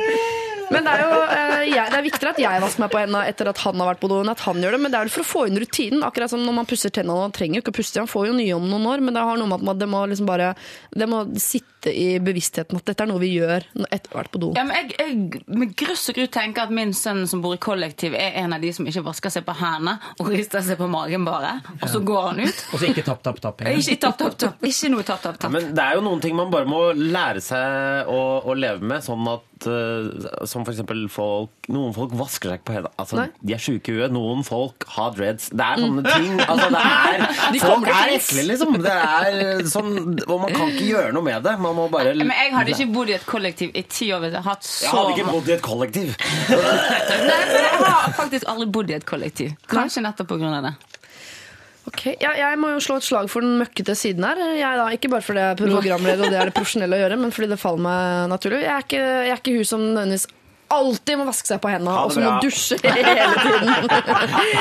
um, men det, skal skal si, jeg har to barn som nesten aldri er syke, og det tror jeg er fordi de får i seg så mye bakterier. Ja, fra meg, man må da, tenke hele tiden sånn Det er veldig, veldig, veldig ekkelt, men det kan hende jeg ikke blir syk. Ja. Og så må du bare kaste opp litt inn i munnen, og så må du bare gå videre i Men- hverdagen. Barna skjønner jo ikke det, og jeg har heller ikke bodd i kollektiv av hensyn til andre. da, antagelig, Fordi jeg er jo bæsjemikrob- og tissestøvjenta i et bokollektiv, dessverre. Eh, og jeg har normal jobb og kjæreste og barn, og det går helt fint på meg, så kanskje dere rundt bare må lære dere å leve med det? Eller? Ja, jeg skal snart gå, så det er greit. Og må vi ta den derre Alle er litt forskjellige, og det har vært så innmari fint om alle bare aksepterte at øh, folk var det. Inni er vi rene. Ja. Ja. Men vask dere etter jeg har vært på do, da! Ja, okay. Det tydeligste rådet er vel bare at de folka må begynne å vaske seg på uh, hendene. Hvordan du skal få til det, vet ikke. Men du må kommentere hver gang de har vært, eh, vært på do. da. Og har du ikke vaska deg på hendene, æsj! Sånne type ting.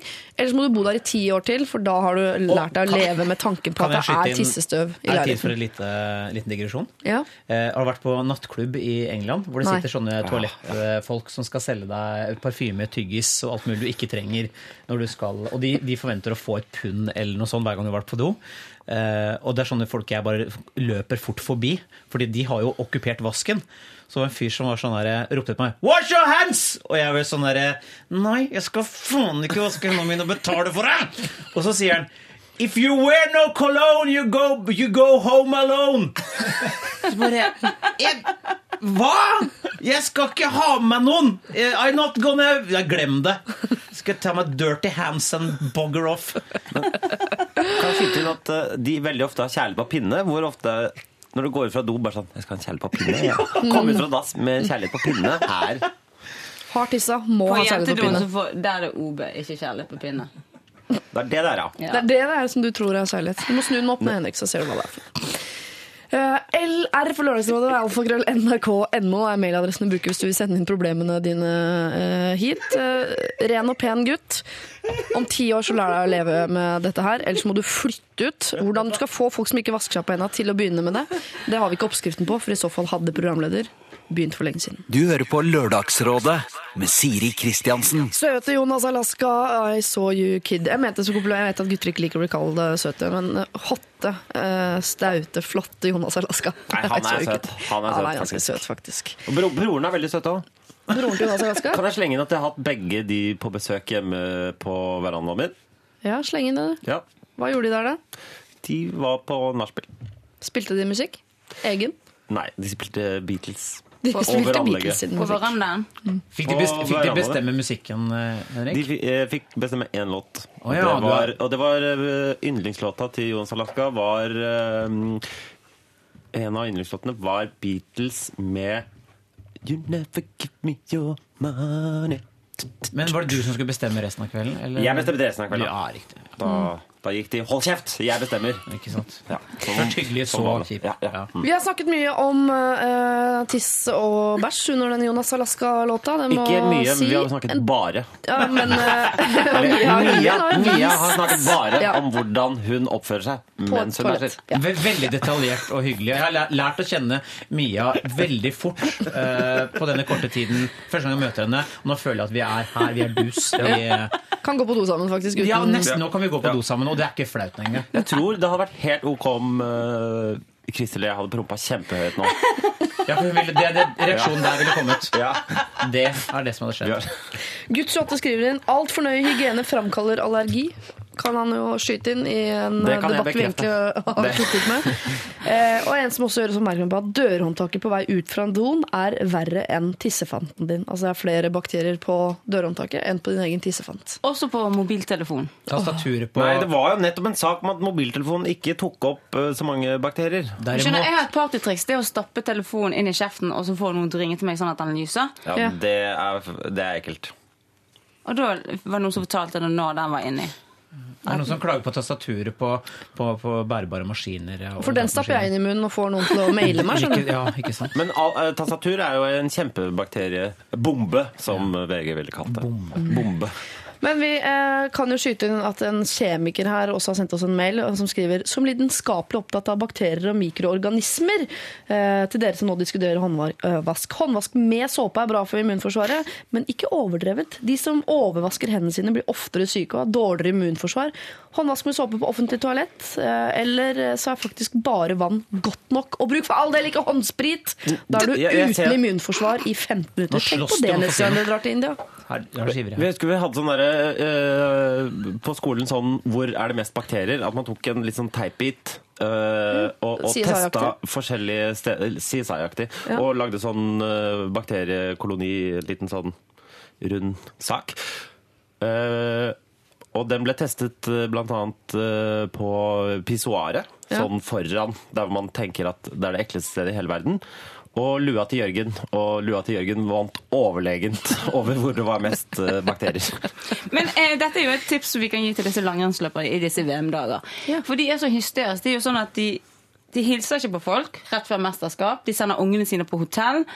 De, eh, de er sånn overhysterisk på den rensligheten. Hva skjer under VM? Mystisk magesjau. Ikke ikke diaré, men mystisk. Da. Det er jo ikke mystisk i det hele tatt. Det er jo rett og slett de har fått i basill. Men de nesten, eller veldig ofte så er de sjuke. I hvert fall Marit Bjørgen sliter jo med magen og ræva nesten Ja, men så gjør de det mystisk, og det er utrolig irriterende. Altså, Petter Northug òg. Men jeg vet ikke om han har diktet eller hva, men det er alltid mystisk. Eh, Altså, Kall diaré for diaré. Ja, det er ikke så mystisk. Men Det eh, ikke- de ikke- tror jeg. Det er ikke Ja. sånn at du ofte, du har, jeg har hørt noen har sagt en gang at du har mer bakterier i munnen enn du har der bak. I Ja, hvis du ikke bruker tanntråd. Det er det er sånn den går. Er det da? Det er- det er sånn den går. Det er sånn den går. ja, ja, er sånn den Hvordan går. gikk den der igjen? Den der...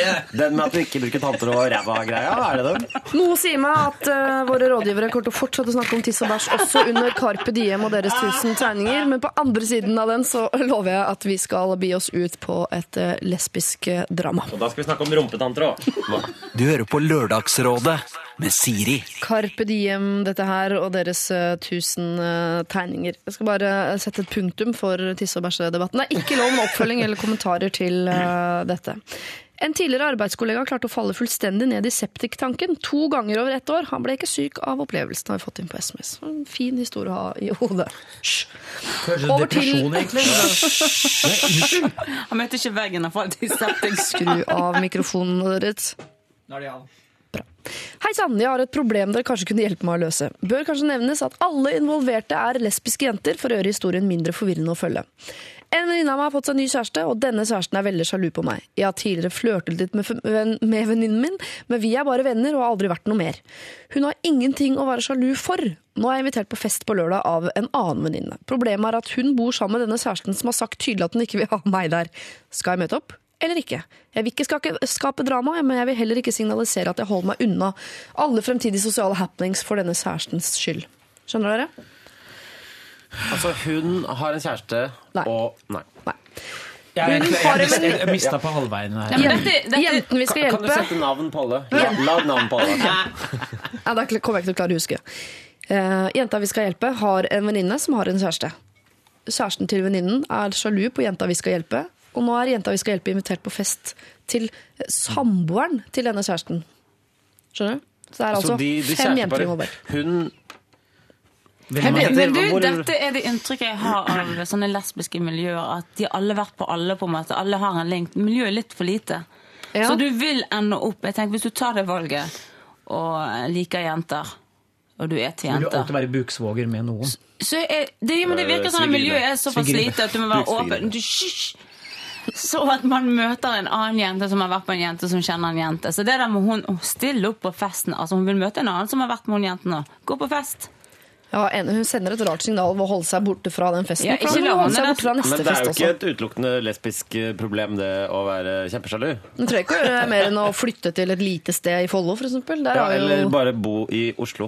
Ja. Eh, Det skjer der òg. Man må eh, noe, men Det er ikke hun, men andre må ta den samtalen litt uh, ordentlig. Det er egentlig ikke hun som må ta den samtalen her. Nei, men vi kan jo Men det er jo vanskelig å, at, at vi skal gi råd til henne om at hun må si fra om at noen andre må snakke sammen sånn at Nei, hun skal bare gå på fest, hun. Ja, hun skal bare gå på fest. Hun skal bare gå Men på hvordan fest. skal hun opp, kan hun gjøre noe på den festen for Jeg mener han, vi- ehm, Det er ikke ens ansvar å sørge for at andre mennesker der ute som er sammen, ikke er sjalu. Nei, altså hvis hun Men bare hun har kan vel her, Vet du hva, Av og til så blir det sånn at du kom over det. Gå på fest, og så trenger hun ikke sitte på fanget og kose i håret og fletten. Hvis de har langt hår. Nei, for kan hun antageligvis ikke se det. Men kan hun, bare for å være grei og raus og fordi hun har overskudd til det, oppføre seg på en eller annen måte som gir denne nye kjæresten trygghet på at her er det ikke noe å være sjalu på? Møte opp stupfull og lage en, et helvetes scene. Nei da, jeg bare tuller. Jeg, jeg, vet ikke, jeg vet ikke. Men det er veldig, hun kan jo gå bort og prate med denne som er litt sjalu på én. Ja. Det går an. Å For si sånn ja, Jeg har inntrykk av at kanskje du er litt grann Eller bare si hei. Gå, snakke med deg. Ikke vær sånn overse den sjalu personen. Dette sier jeg ikke fordi jeg er full. Dette, Det hjelper Det alltid. hjelper alltid. Nei, ikke gå bort og si sånne der eh, Jeg er helt enig. Gå bort og snakk med henne, men snakk om andre ting. Bare si hallo, bla, bla, bla. Ja, men ikke si sånn at hører du er litt Nei, ja, nei. sjalu på meg. jeg trekker Skjønner jo det. hvorfor, men eh, det trenger ikke du være. Nei, for med en gang hun sier det, da hadde jeg begynt å tenke sånn Å, her er det noe sjalu på, siden du er Hva- opptatt av det. Når du, hun kommer inn på festen, gå bort til den som du vet er litt sjalu, si hei, litt sånn hjertelig, og kanskje en klem. Til den personen. Ja, At Gjøre man seg viser- selv mindre liksom, eh, Ja. farlig. Ja. Klem meg på grensen. På Ok, grensen. men jeg kjenner ikke de lesbiske kodeksene så Du sa jo dette kanskje i men sa du? Det var ikke Flørter dere nå? Faen. Vi, men det Nei, men altså Ikke være sånn I hvert fall ikke overse den personen, da. Nei, ikke stå i et hjørne og være sånn hot og overse den som er sjalusi. For det det er lov Vi kan skjønne sjalusi, eller? Eh, veldig, veldig godt. Jeg ville foreslå å trekke ut på kjøkkenet, for det er der de alle de gode samtalene på fest foregår. Mm. Stua, fuck it. Kjøkkenet, det er der festen er. Er Så jeg tenker sånn, på et eller annet punkt kanskje møte vedkommende på kjøkkenet. Og ta det eh, ikke mano a mano, men eh, Ja. jente av jente. Og gjøre sånn som de nettopp sa. Ja, og så ikke Men stå på bordet og danse. Altså, jeg vet ikke hva type hun egentlig er, men hvis hun er en type som står midt på bordet og danser i løpet av festen, ikke gjør det denne kvelden. Men man er jo Mm. veldig Man er mest sjalu på sånne Altså på det man ikke helt eh, kjenner til, da. Ja. Så hvis man gjør seg litt eh, bedre bekjent med en person, så vil man ikke være så mystisk, og da skjønner man på en måte «Å ja, det er egentlig ikke noe å være så sjalu for. Og så, når man har opprettet den kontakten, så ta med Men på det er ikke helt riktig det heller. Jeg, jeg var sjalu på en fyr en gang eh, som jeg syns var for opptatt av en kjæreste jeg hadde. Møtte han på fest. Og så tenkte jeg, skal jeg være litt sånn, litt sånn eh, raus og på en måte være imøtekommende. Og så snakker jeg med han, og så er han bare så innmari kul fyr. Som er mye kulere enn meg. liksom. Altså kjekk. Så da ble det Kjekkere, ja, kjekkere morsommere og mer velkledd og sånn. Så ble jeg sånn Faen! Ja, ja, men, der, men- men der, der er feilen, for det er du som er sjalu på han. Ja, for hvis han, hadde kommet til, hvis han hadde kommet mer til deg, istedenfor at du gikk til han. Ja, men han gjorde jo det! Det var han som, altså Jeg, Å, ja, skulle, det jeg var det. bestemte meg for å ikke være en kuk og liksom å, dust. Jeg skulle liksom være, Og han var den som liksom var sånn der Hei, Christer! Hilste meg og var kjempekul. Og han var jo var ikke ute etter det i det hele tatt. Det var bare et bilde jeg hadde laget i mitt barnslige lille hode. Men se, det som er problemet her er jo at her kan alle sammen være kjærester. Du var jo sjalu på han for han skulle ta din jente. Dere to kunne jo egentlig ikke være kjærester. Her kan alle bli kjærester. Altså Det er så mange veldig åpninger for drama. Jeg syns han var veldig kjekk. Og, veldig kjekk. Så det kan plutselig snu seg til at hun som var sjalu, eh, eller hvis du er veldig grei, så blir Altså, rollen blir byttet om. Kanskje innsender her blir forelsket i det. Altså, Helt riktig. oi, oi, oi. Oi. Ja. Men det jeg i hvert fall helt tydelig hører fra samtlige rådgivere og fra mitt eget hode og min egen magefølelse, er at du må gå på den festen.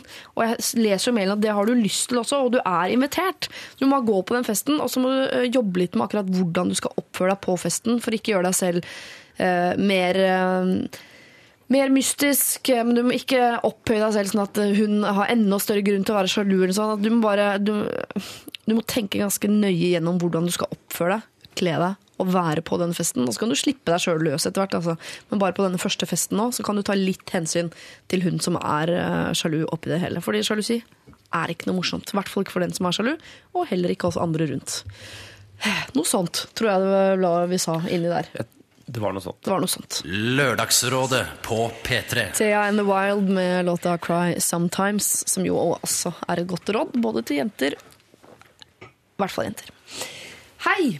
Jeg skal nå gå over på et nytt problem, eh, folkens. Uh, Hardtarbeidende komiker Christer uh, Torjussen. Mye av som ikke vil ha noen merkelapp foran navnet sitt. Verken hentet fra ballsport eller TV-sjangeren, så da lar vi det være. Jeg kan ta Og- ballsportkallaene, jeg. Ballsportentusiast Henrik Thodesen. Eh, ok. Hei, jeg er en jente på 26 år og har hatt samboer i fem år. Vi er bedt på partur i sommer med uh, samboerens bestekompis og hans relativt nye supermodellkjæreste. Jeg har ingen interesse av å dra på denne turen av følgende årsaker. 1. Hun er tynn som ei flis, og jeg kommer til å se som stranda hval ved siden av henne. 2. De er i den perioden hvor det er gøy å krangle mest mulig, for så å ha makeup-sex etterpå. 3. Jeg syns hun er døll. 4. Jeg har vært sammen med denne bestekompisen før. Da var vi på 40-stadiet. Jeg trenger virkelig en god unnskyldning for å slippe å dra på denne turen uten at jeg trenger å såre noen. Det bør nevnes at de tre andre er supergira og mener at dette blir årets happening. Hjelp. Hilsen anonym. Hun Jeg, trenger jeg hang meg litt opp i den derre De er i den fasen hvor det er kjempegøy å krangle og ha makeup-sex etterpå. Den, Den fasen er ukjent for meg. Går ja, den er- over, tenkte den, jeg. liksom. Er vi der? Er det der vi er, er? ikke det, er ikke det forhold?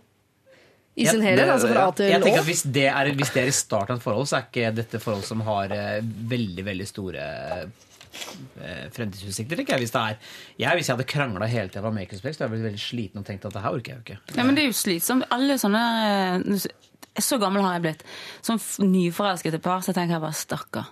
Hvor mye de skal igjennom nå, så skal de krangle, og så skal den andre ja, men liker ikke meg så, Og så er det den usikkerheten, sjalusien og alt mulig, og så skal de Nei, jeg syns synd på nyforelskede par. jeg. Ja. Det er sikkert kjempegøy, men uh, utrolig slitsomt. Men det er ikke de vi skal hjelpe nå. Skal vi hjelpe altså, hun som ikke vil på denne Jeg sydenturen, eller parturen?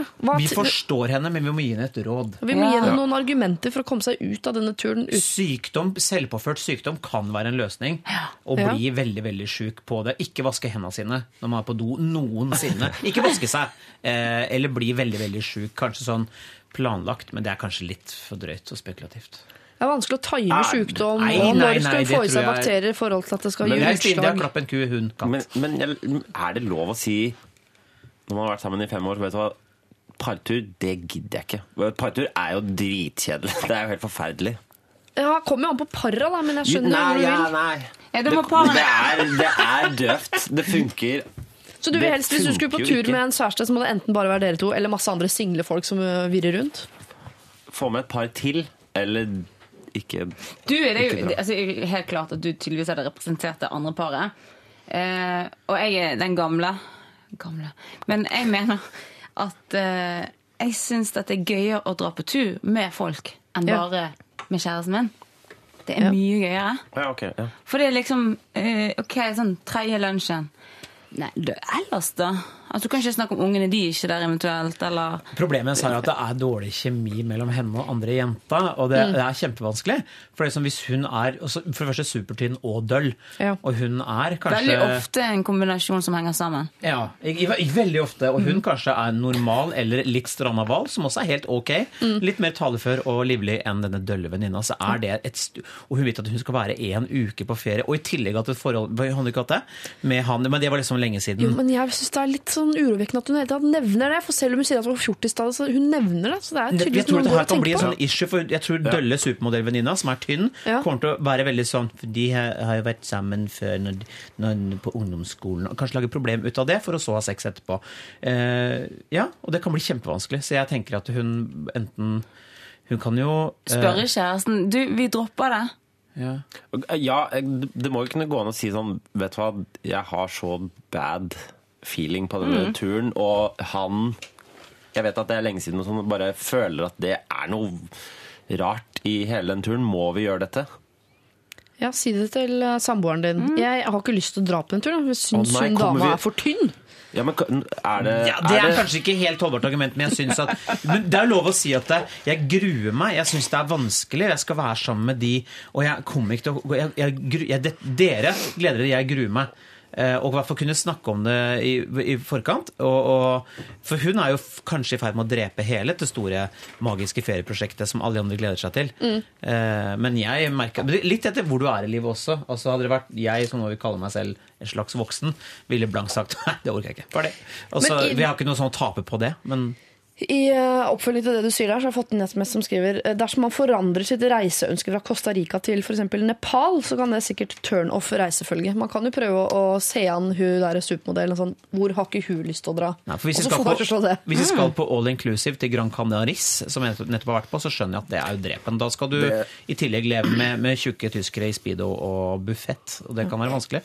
Uh, skal man på loffeferie i, uh, Kuo, eller, uh, langt pokkervoll i Papua Ny-Guinea, noe jeg ikke tror de skal, så, så de skal vel på en vanlig ferietur. Tipper det. tipper det. Altså, en av løsningene er jo å selvfølgelig være full hele tiden.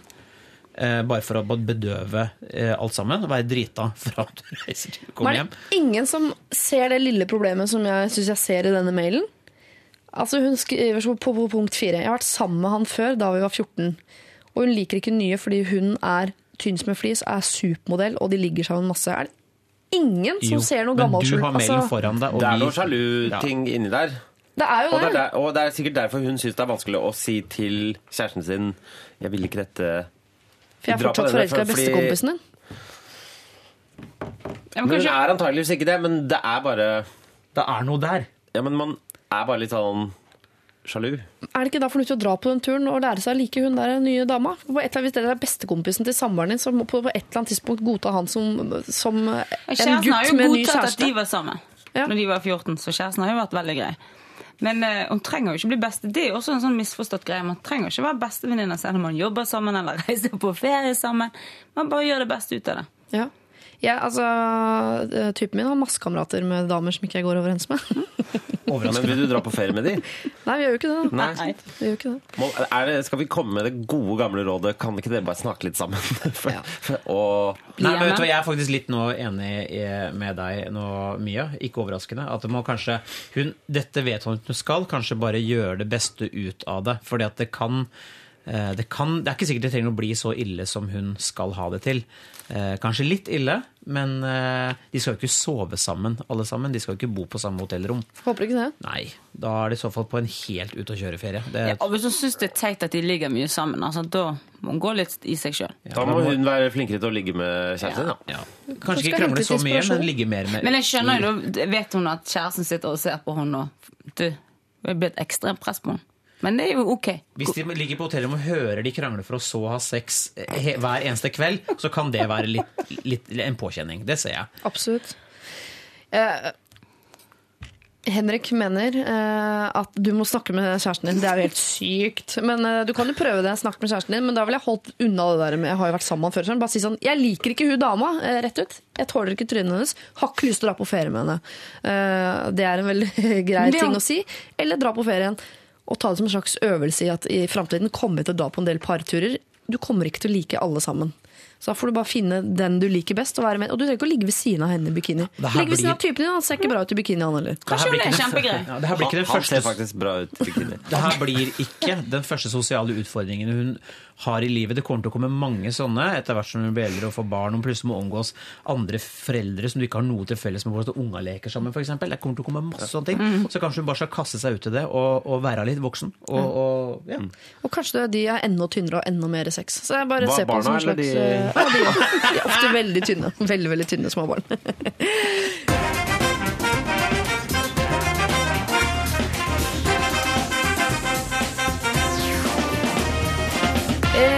har snakket en del eh, om unger i dag, eh, fordi eh, vi til sammen har tre, seks, åtte barn. Nei, tre, um, sju barn. jeg vet ikke åssen det er med deg, Henrik. Jeg vet som vi vet om. Ja, som vi vet om. Og klassikeren. Ja. Nei, ikke som har veit om. Jeg har ingen barn, og jeg vet det. Yep. kjempebra. Men i eh, kjølvannet av det så stiller jeg derfor følgende eh, spørsmål til dagens eh, rådgivere, sendt inn av en mann. Veldig kort, lite info, men veldig konkret. Hei, burde jeg, mann 46, sterilisere meg? Er gift, har tre barn. Hilsen Morten. Så det her skulle ta en avgjørelse basert på alder, egentlig. Ja, jeg syns det. Så slipper hun å bruke prevensjon. Ja. Veldig utrolig flott initiativ, syns jeg. Ja. Christer, du som har utovertiss, kan du stille deg bak dette? Jeg har det. Eh, Jeg har to barn, og jeg har ikke så veldig lyst på flere. Eh, Og jeg merker at det å gå og kutte meg der nedentil Jeg, jeg er sønn av en lege, jeg har skrekken. Jeg bare tenker Jeg har ikke lyst. Eh, Men det ville kanskje være det mest taktiske, istedenfor å si at hun skal gå på prevensjon resten av sin tid som hva heter det? Kjønnsmoden. Drektig? Nei, det er, det er jeg er zoologi. Som bløder, da. Men nei, vet du hva, jeg har litt sånn der at noen skal eh, ned der og gjøre noe. Jeg, det, det, det, det skurrer litt for meg, men kanskje jeg burde gjøre det. Men da må jeg være full. Ja, men jeg tror De fleste menn har ikke det der, det er ikke det kirurgiske som plager de. Det er det mannlige. Å nei, nei, overhodet ikke. Nei, de, men de fleste tror jeg er sånn. Jeg tenker at jeg har lagd to fine barn eh, i samarbeid med, med min kone. Eh, Jeg har ikke gjort dette selv. Eh, det- Hør på dette. Du legger inn det ene poenget etter det andre hos din kone. Det er helt fantastisk. Syns du det? Ja. Ja, men det skulle jo egentlig bare mangle. Det er nok av menn som Vet du hva, jeg skal, det er, apropos det, jeg jobber mye på sånne konferansehoteller og sånne ting hvor man skal være morsom. Og stå og høre på menn som står i baren i sånn dress etter noen drikker for mye, står og snakker drit om, om kona si eller samboeren sin. Det er så Dragen, som de heter Ja, da, det er så. Jeg blir sånn herre Ai, fy faen, dragen, vet du. Hun bare Og det bare Å, fy faen. Jeg blir så jævlig lei av det. Og så er det tre kanskje jenter som jobber i denne bedriften, da, som, som sitter på sentralbord og sånne ting, som er liksom som offentlig sånn eh, jaktbytter. Og så er det sånn, blir utsatt, for sånn der subtil seksuell trakassering hele tiden, og så står de gutta «Ai, og dra Faen, jeg er så dritlei av det. Så Sett pris på den du som gidder å leve med deg, din pikk. Kan jeg skyte Det inn eh, I går i Dagbladet så skrev jo uh, Så var det skrevet om den Hvor er den tøffe eh, feministiske mannen? Mm. I give to you. Christer Torrison, Thank yes. som nylig har vært og underholdt eh, Telenor, eller? Er. Ja, men kan, kan man stille et spørsmål tilbake? Kan jeg stille, Ja. kan jeg stille et spørsmål? Har du lyst? Eh, Nå kan jeg gå inn i rollen som Morten. Ja, ganske lyst. Da gjør du det. Ja, men folk sier at det er så enkelt, da. Bare, bare så er det, er det over. Men jeg, jeg har det, er- det har ingenting med mann å gjøre. Det er bare at jeg bare Jeg, jeg syns det ser så skummelt ut. Tenk hvis den ikke virker etterpå. Den. du, du kan sy det på igjen. Ja. Ja, og De, for du tror du må fjerne testiklene Nei, i sin men- helhet, ikke sant? Jeg ser på Jeg skulle bare ha en kastrasjon, eller var det? Jeg ser for meg de klipper den ene tråden. Du- du Og så er det to som ligger sånn, så tenker jeg så ser jeg for meg at de syr den. Nå skulle vi også ha TV. Det skulle også vært TV. Hvordan Mia viste hvordan det mannlige Mia forklarer eh, anatomi. Men altså, det er jo sånn at en sterilisert mann kan sy på plass noe greier igjen og så fortsette å forplante seg hvis det skulle være problemet. Men det er, jeg tror ofte det er smerte som, og latskap som gjør at menn ikke steriliserer Ja, her er det smerte og angst. Smerte og han, han, han i broen hadde jo kjempevondt eh, etterpå. Ja, han har sterilisert Ja, men han ble også sparka i balla rett etterpå, også, da, da Og så da- gjorde han jo det- kona si gravid kvelden før han gikk til legen for Stemmer, å men også lå han med den andre, og så han var litt sånn nei, Hun sånn, ble ikke gravid. Det, Ja, men, du vet du hva? Det, er, det er også vondt å føre, men det jeg tenkte når jeg Jeg syns ikke det var noe vondt, jeg. ja, Jeg vet ikke om hun er fæl. Henrik har lagt seg ned på gulvet, bare sånn til dere. Sånn. Ja, men se Det jeg tenkte på når jeg tenkte det her er helt latterlig, jævlig vondt, så tenkte jeg på alle de veikeste kjerringene jeg vet om som har født. Eller bestemødre, eller gamle folk som ikke forestiller seg har vært gravid. De klarte det. Han må bare få, altså, han må gå litt i seg sjøl og si at vet du hva, helt ærlig, hvis han, hvis han har klippet over strengen, så kan jeg. Ja, men du må tenke sånn, Morten, du må tenke på han der eh, Glenn som du gikk i klasse med på Høyendal videregående eller et eller annet eh, på 70-tallet eller 60-tallet eller når det blir. Som nå sikkert naver. Han har sterilisert seg. Det er ikke, altså, det er ikke vondere enn det. Konkurranseinstinkt. Men det er, det er jo snakk om sprøyte, bedøvelse nedi her, liksom. Og jeg får helt no noia. Hvis man har angst, så kan man alltids be om narkose. Jeg tror man alltid kan be om Mm. Narkose. be- Til og med tannleger uh, tilbyr narkose. Det, du, jeg har vært mye hos tannlege, så dette vet jeg. Jeg har fått mye narkose. Nei, jeg har fått bedøvelse. Sprøyte. Au! Vil ikke ha. Men da er ikke du representativ. Hvis du syns det er au å gå til tannlegen, så er du feil mann å spørre om dette med sterilisering. Nettopp! Jeg har et siste poeng, men det er altfor grovt, så jeg dropper det. Kan det passe å si det oppå forspillet inn til Susann Sund før The Brothel? Overhodet ikke. Ok, greit. Eh, Jeg vet eh, nå, kjære deg som hører på, at vi har tid til ett problem til i dag eh, her i Lørdagsrådet. Og jeg har problemer å ta av, så jeg kan eh, slippe løs på rådgiverne. Men jeg utfordrer deg nå til å komme med et problem på tampen i dag som er så gullende godt og konkret og morsomt at vi bare kaster alt vi har på eh, blokka. Eh, Send inn med kodeord P3 til eh, 1987. Og til resten av dere, gå inn på Facebook. Da. Det ligger et sabla fint bilde av oss der nå. Lørdagsrådet. Hallo. Susanne Sundfør, The Brussel var eh, det der. Og vi har eh, Folket har tatt utfordringen, sendt inn eh, masse SMS eh, med problemer. Og jeg valgte ut, eh, eh, valgt ut et som handler om X. Det står her. For to uker siden gjorde jeg det slutt med kjæresten min gjennom to år. Og vi er fortsatt gode venner, men nå har jeg støtt på et lite problem eh, som jeg ikke så for meg kom til å bli så stort. Jeg er rett og slett skikkelig seksuelt frustrert. Og jeg kan nå velge å forføre eksen, som sikkert ikke blir så vanskelig, og gjøre da bruddet mye mye mer komplisert. Ellers kan jeg vente til neste mulighet og finne meg en random fyr jeg garantert kommer til å angre på. Og siden jeg bor på verdens minste plass, slik at alle garantert kommer til å få vite, er jo det ikke så fristende. Oppfattet. Christer Torjussen, Mia hunden min, eh, Henrik eh, Thodesen. Flytt. Flytt. Og ligg med en random fyr på et annet sted. Ja. Ja. Jeg forstår ikke folk som holder på med eksene sine. Jeg, jeg, nei. Jeg, jeg har ikke, når det er slutt, så er det slutt. Har du aldri gått på smell? Aldri. Aldri? Aldri. Når det eneste kanskje funka, var at man hadde det, at det var det seksuelle Aldri. Aldri. Jeg, Hva, hva, hva er du? Enig. Hva er du? Hva er du laget Hva av? er du? Hun er kvinne, akkurat som meg. Jeg eller aldri. Nei. Du kan stille spørsmål så mange ganger du vil, og jeg kommer også til å svare aldri. Aldri. Ja, aldri Jeg, der har jeg gått på smell, altså. Det Ja. Men du kaller det smell, ikke sant? Ja, jeg det er jeg tenker at eh, Grunnen til at det ble slutt, var jo fordi at det, det ikke funker. Ja. Ja. Og da gå tilbake til det som ikke funker, er utrolig sånn frastøtende et eller annet sted. Jeg bare har latt meg rive med av eh, kvinners uh, makt. Uh, hvor jeg på en måte, jo, jeg er blitt dumpa kanskje, er litt sånn sår, og så har man møtt hverandre, og så vet hun at det kortet har hun så jævlig, og har benyttet seg av det, og jeg har tenkt liksom ja, det kan jeg godt gjøre. Og som jeg sier, gå på smell. Det, Det er den makten unnskyld, kvinnen her, innsender, føler at hun har. da, for Hun sier det, det kan forføre eksen, og eh, som sikkert ikke er så vanskelig. Men hun sier det jo selv også, da blir bruddet mye vanskeligere. For du ble sikkert, når du da ble eh, seksuelt misbrukt av eksen din, Mhm. Christer Torjussen, så ble du sikkert enda mer frustrert etterpå. Jeg ble veldig frustrert. Enda mer heartbroken og sart. Ja. Jeg, kom, jeg var ikke sånn at jeg tenkte å, der fikk jeg meg et nyp. Nei da. Jeg, jeg var, eh, følte meg brukt. Og med den erfaringen kan du da Se- råde meg- denne kvinnen til å gå ut og gjøre det? Nei, Se, se, jeg, se hva jeg har blitt. Du har blitt en utrolig sånn fin, sjenerøs kjæreste. Man blir da. veldig fin av det. Tydeligvis. Sånn skal ikke jeg bli, har du tenkt. se på meg, hvordan er jeg blitt nå? Jeg har aldri gjort det. Og så sint, bitter. Og Faen! Sitter med hoftegrep på radioen. Men eh, Aldri! Ja, men så, det er det jeg ikke skjønner. Altså, Da vil hun seg sjøl ondt. Tydeligvis hun som har gått fra det her mennesket. Ja, så vil hun opp igjen og gjøre det enda Jeg kjenner blir fysisk dårlig. Henrik, vær så god. Kom igjen, Henrik. Pass. Hva, pass! Det er, for, Nei, er personlig nærliggende. Det er altfor personlig nærliggende. Eh, Hvem er det som har sendt inn?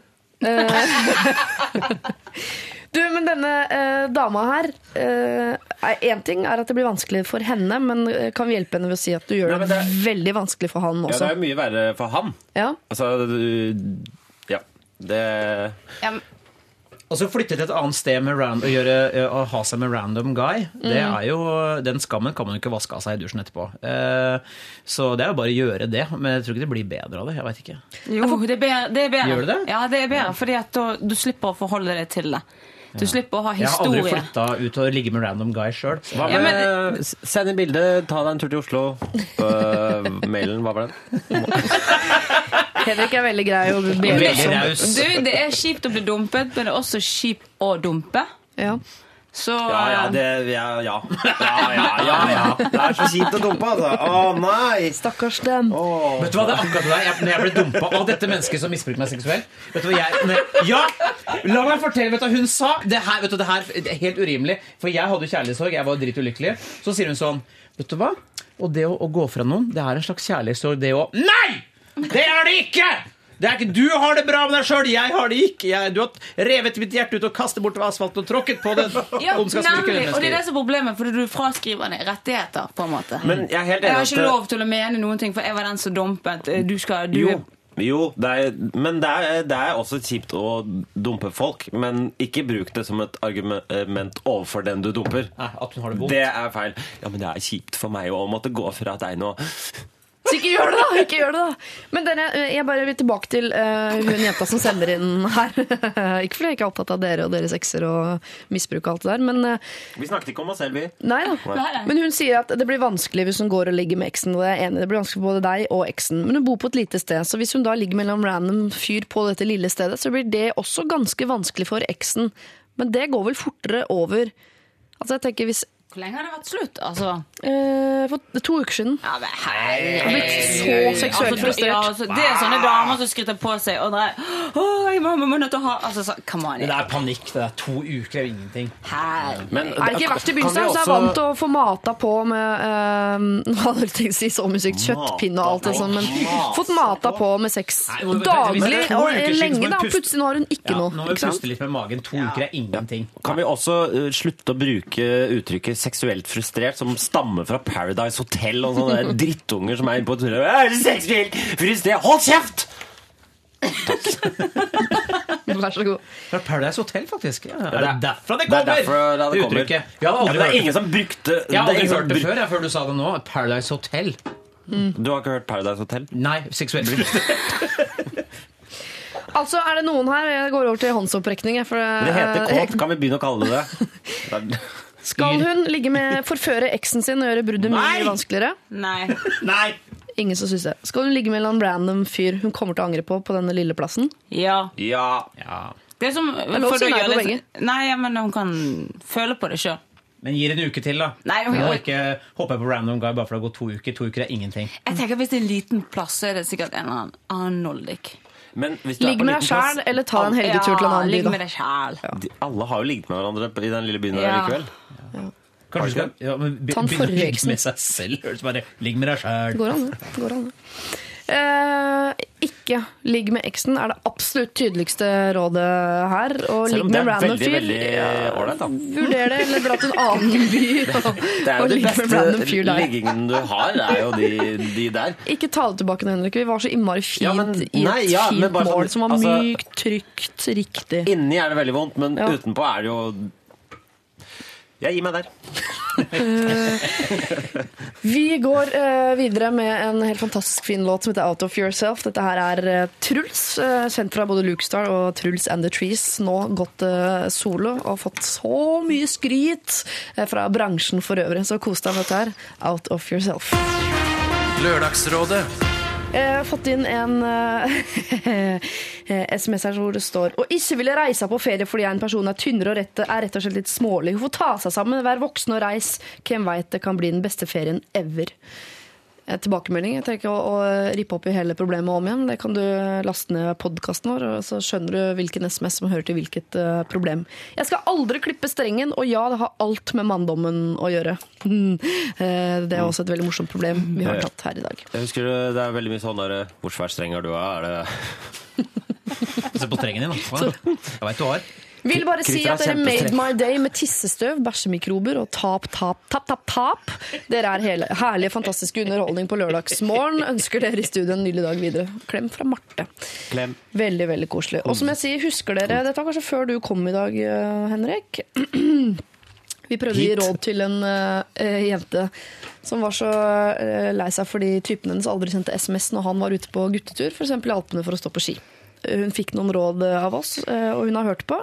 Trulte mor og skriver Tror ikke han er utro, virkelig. Og jeg har snakket med han ofte, han sier at han er enig og at han skal bli flinkere, at han skjønner meg. Men jeg tror han er, har litt short attention span. Han har en rimelig ny Samsung og alt det der. Har nå i løpet av åtte dager fått fire meldinger. Grein og ringte min bror. Han sa jo at tryggere gutter er, jo mindre trenger de å høre fra oss. Skjønner du denne tilbakemeldingen? Du, jeg er helt enig i det som broren sier. Ja. Som jeg skulle sagt, sa ikke det i sted? Og Han er ekstremt vimsete, som er akkurat ordet du brukte, Mia. Men Han nå har hun også fått meldinger. Ikke sant? Det har ikke bare vært dødt. Så da Og jeg mente ikke å si at han var utro, jeg sa bare det at man kan være utro selv om man sender mye I beskjeder. dagslys sa hun. Så jeg òg tenker jo mindre, Hjemme. jo Hun sa til og med i kontortiden. kontortiden. Sa du ikke det? Hva sa jeg? Du sa på kon i kontortiden. Det liker Ja, det sa jeg. Ja. Denne jenta, Trulte som hun kaller seg, er en av kandidatene til å få en eh, P3 T-skjorte. Hvis dere syns hun fortjener det, men jeg skal ramse opp de andre kandidatene. Eh, Vi har eh, runde to-jenta, altså Angry Birds-jenta, som har en eh, grusom svigerfamilie som bare snakker om uh, biff stroganoff versus lasagne. Jeg liker henne. jeg også liker henne godt. Så har du mannen da, som er frustrert fordi kona alltid får velge hvilken film de skal se, men et kvarter ut i filmen så sovner hun på sofaen, og han blir sittende og se på Hugh Grant alene. Eh, vi har guttejenta. Hun er veldig veldig handy. Jeg har fått beskjed av gutta på jobben at hun ikke kommer til å få seg kjæreste, for det er ingen gutter som, som tenker at eh, hun trenger det. Så har vi kollektivet, da, hvor det er ingen som vasker seg på hendene. Så det er mye tissestøv og bæsjemikrober rundt om i kollektivet. Eh, det lesbiske dramaet, der det var, var det, eh, altså, tre, fire, fem, sju eh, lesber involvert. Vi vet ikke om vi skal gi den T-skjorten til engang. Og, og det var mye vanskelig der. Vi har uh, jenta som ikke vil på partur. eh, Med denne tynne fotomodellen som har blitt sammen med en hun var sammen med da de var 14. Sa hun ikke supermodell også? Supermodell. supermodell. Ah, wow.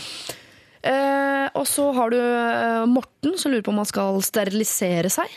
Eh, og denne seksuelt frustrerte Unnskyld, kåte jenta som har vært singel nå i to uker og lurer på om hun skal ligge med eksen, eller bare en annen random fyr. Hvem fortjener T-skjorte? Folkens, dere må bli enige. Jeg, jeg stemmer for Angry Birds-jenta. Eh, Hun har hatt navn allerede i min bevissthet som kommer til å være der lenge. Fordi hun har den største utfordringa, syns jeg, sosialt sett. Dette skal hun leve med, dette skal hun øh, å, å lukte på. Ja, men jeg syns scooterjenten også, hun, eh, hun må ha et eller annet sånn For å være, henge i det, da. Han trenger motivasjon. Jeg syns Morten skal få det hvis han eh, kutter strengen. Ja. Som et plaster på Vi er helt uenige. Vi er ikke- kommer ikke fram til noe her. Ne, Men Angry Birds var Biff Stroganoff. Nei, Angry Birds var ikke Du var før din tid, eh, Henrik. Ja. Det var en dame som skal forholde seg til sin eh, svigerfamilie, som eh, snakker om veldig kjedelige ting hver gang de er sammen, og det er de mye. Og hva hun skal gjøre med det, for hun fikser det bare ikke. Nå tok jeg din rolle litt her, Siri. Ja, men forklarer det. Takk, takk. Ja. Og jeg syns hun har den største sosiale utfordringen. For dette, det virker som hun ikke har tenkt å hoppe av dette. Hun bare vet at hun må leve med det. Eller var det rådet vi ga henne. Det var det vi sa. Ja. De kommer ikke til å forandre seg. Og alt det som vi sier i Lørdagsrådet, er det du må gjøre. Ikke sant? Og så må du fortelle oss om det, hvordan det gikk og sånn i Hvis skal du ha. T-skjorte, så må du gjøre som vi sier. Ja, dere må bli enige. Og jeg har ikke noe jeg skulle ha sagt. Christer får bestemme. Nei. Mi- Mia får bestemme. Mia får bestemme. Nei! Nei. Ok, Mia, du kan bestemme du, da. Nei. Nei, ok. Eh, jeg syns at um... Åh. Ja. Hvem er eh, kandidaten her nå? Guttejenta? Ja, Ja. eh, og Angry Birds. Og så følte jeg at det var en til. Men siden jeg har glemt den personen, så ikke tenk på det. Det blir okay, en jente, i hvert Scooterjenta, fall. jeg, jeg liker jo henne også, fordi hun, eh, jeg vil ikke at hun skal prøve å være noe annet enn seg sjøl. Så hvis vi, kan vi møtes på halvveien der? Ja, jeg er enig. Pluss at hun har litt så- dårlig kollega på jobben, det høres ut som. Ja. Og for alt du vet, så spiller hun også Angry Birds. så du kan jo få Hun med jobber i et veldig mannsdominert miljø og trenger en Ikke T-skjorte. lett, det der, altså. Er ikke det? Nei. Nei, Og så ikke. som eh, Siri også så fint puttet det. Altså noen, de der ytterpunktene, når de først finner noen, så blir det helt fantastisk. Og hun trenger å vite at hun må holde ut. Ja. Det finnes Fordi Så skal vi si at den T-skjorten er eh, en slags symbol på Fordi- at du må holde ut. Ja, og så hvis ikke det, og det kan godt være at det blir kun med den T-skjorten. At han aldri finner han eller? Skulle Skal vi da sende i brun for fordi hun er guttejente, eller skal vi sende i rosa? Jeg har nemlig Nei, jeg begge tror deler. ikke rosa Det blir bare sånn her Å nei, jeg fikk en rosa T-skjorte. Det er jo ikke meg. Nei. Så send en brun Det er mange gutter som kommer med rosa. Kan ikke hun velge selv, Det må du slutte med. Kan ikke hun sende, kan velge? Sende begge to? Nei, hun kan velge. Hun kan velge. Ok, Det høres ut som Fikk det jeg blir trumfet eh, igjennom med skuterjenten. Ja. Det blir scooterjente, som vi har døpt henne om til. Hun kalte seg selv for guttejenta. Scooterjente er mye mye kulere. Du får en T-skjorte, du kan selv velge farge. Det er vel flere enn rosa og brun nå. Jeg tror vi er både svart og grå og blå. og rød. Rød har vi, og i det hele tatt. Så send inn eh, det. Og eh, send også inn om rådet i det hele tatt hjalp, eh, og det gjelder dere andre også. Har du brukt noen av rådene du har fått av Christer, Mia og Henrik i dag?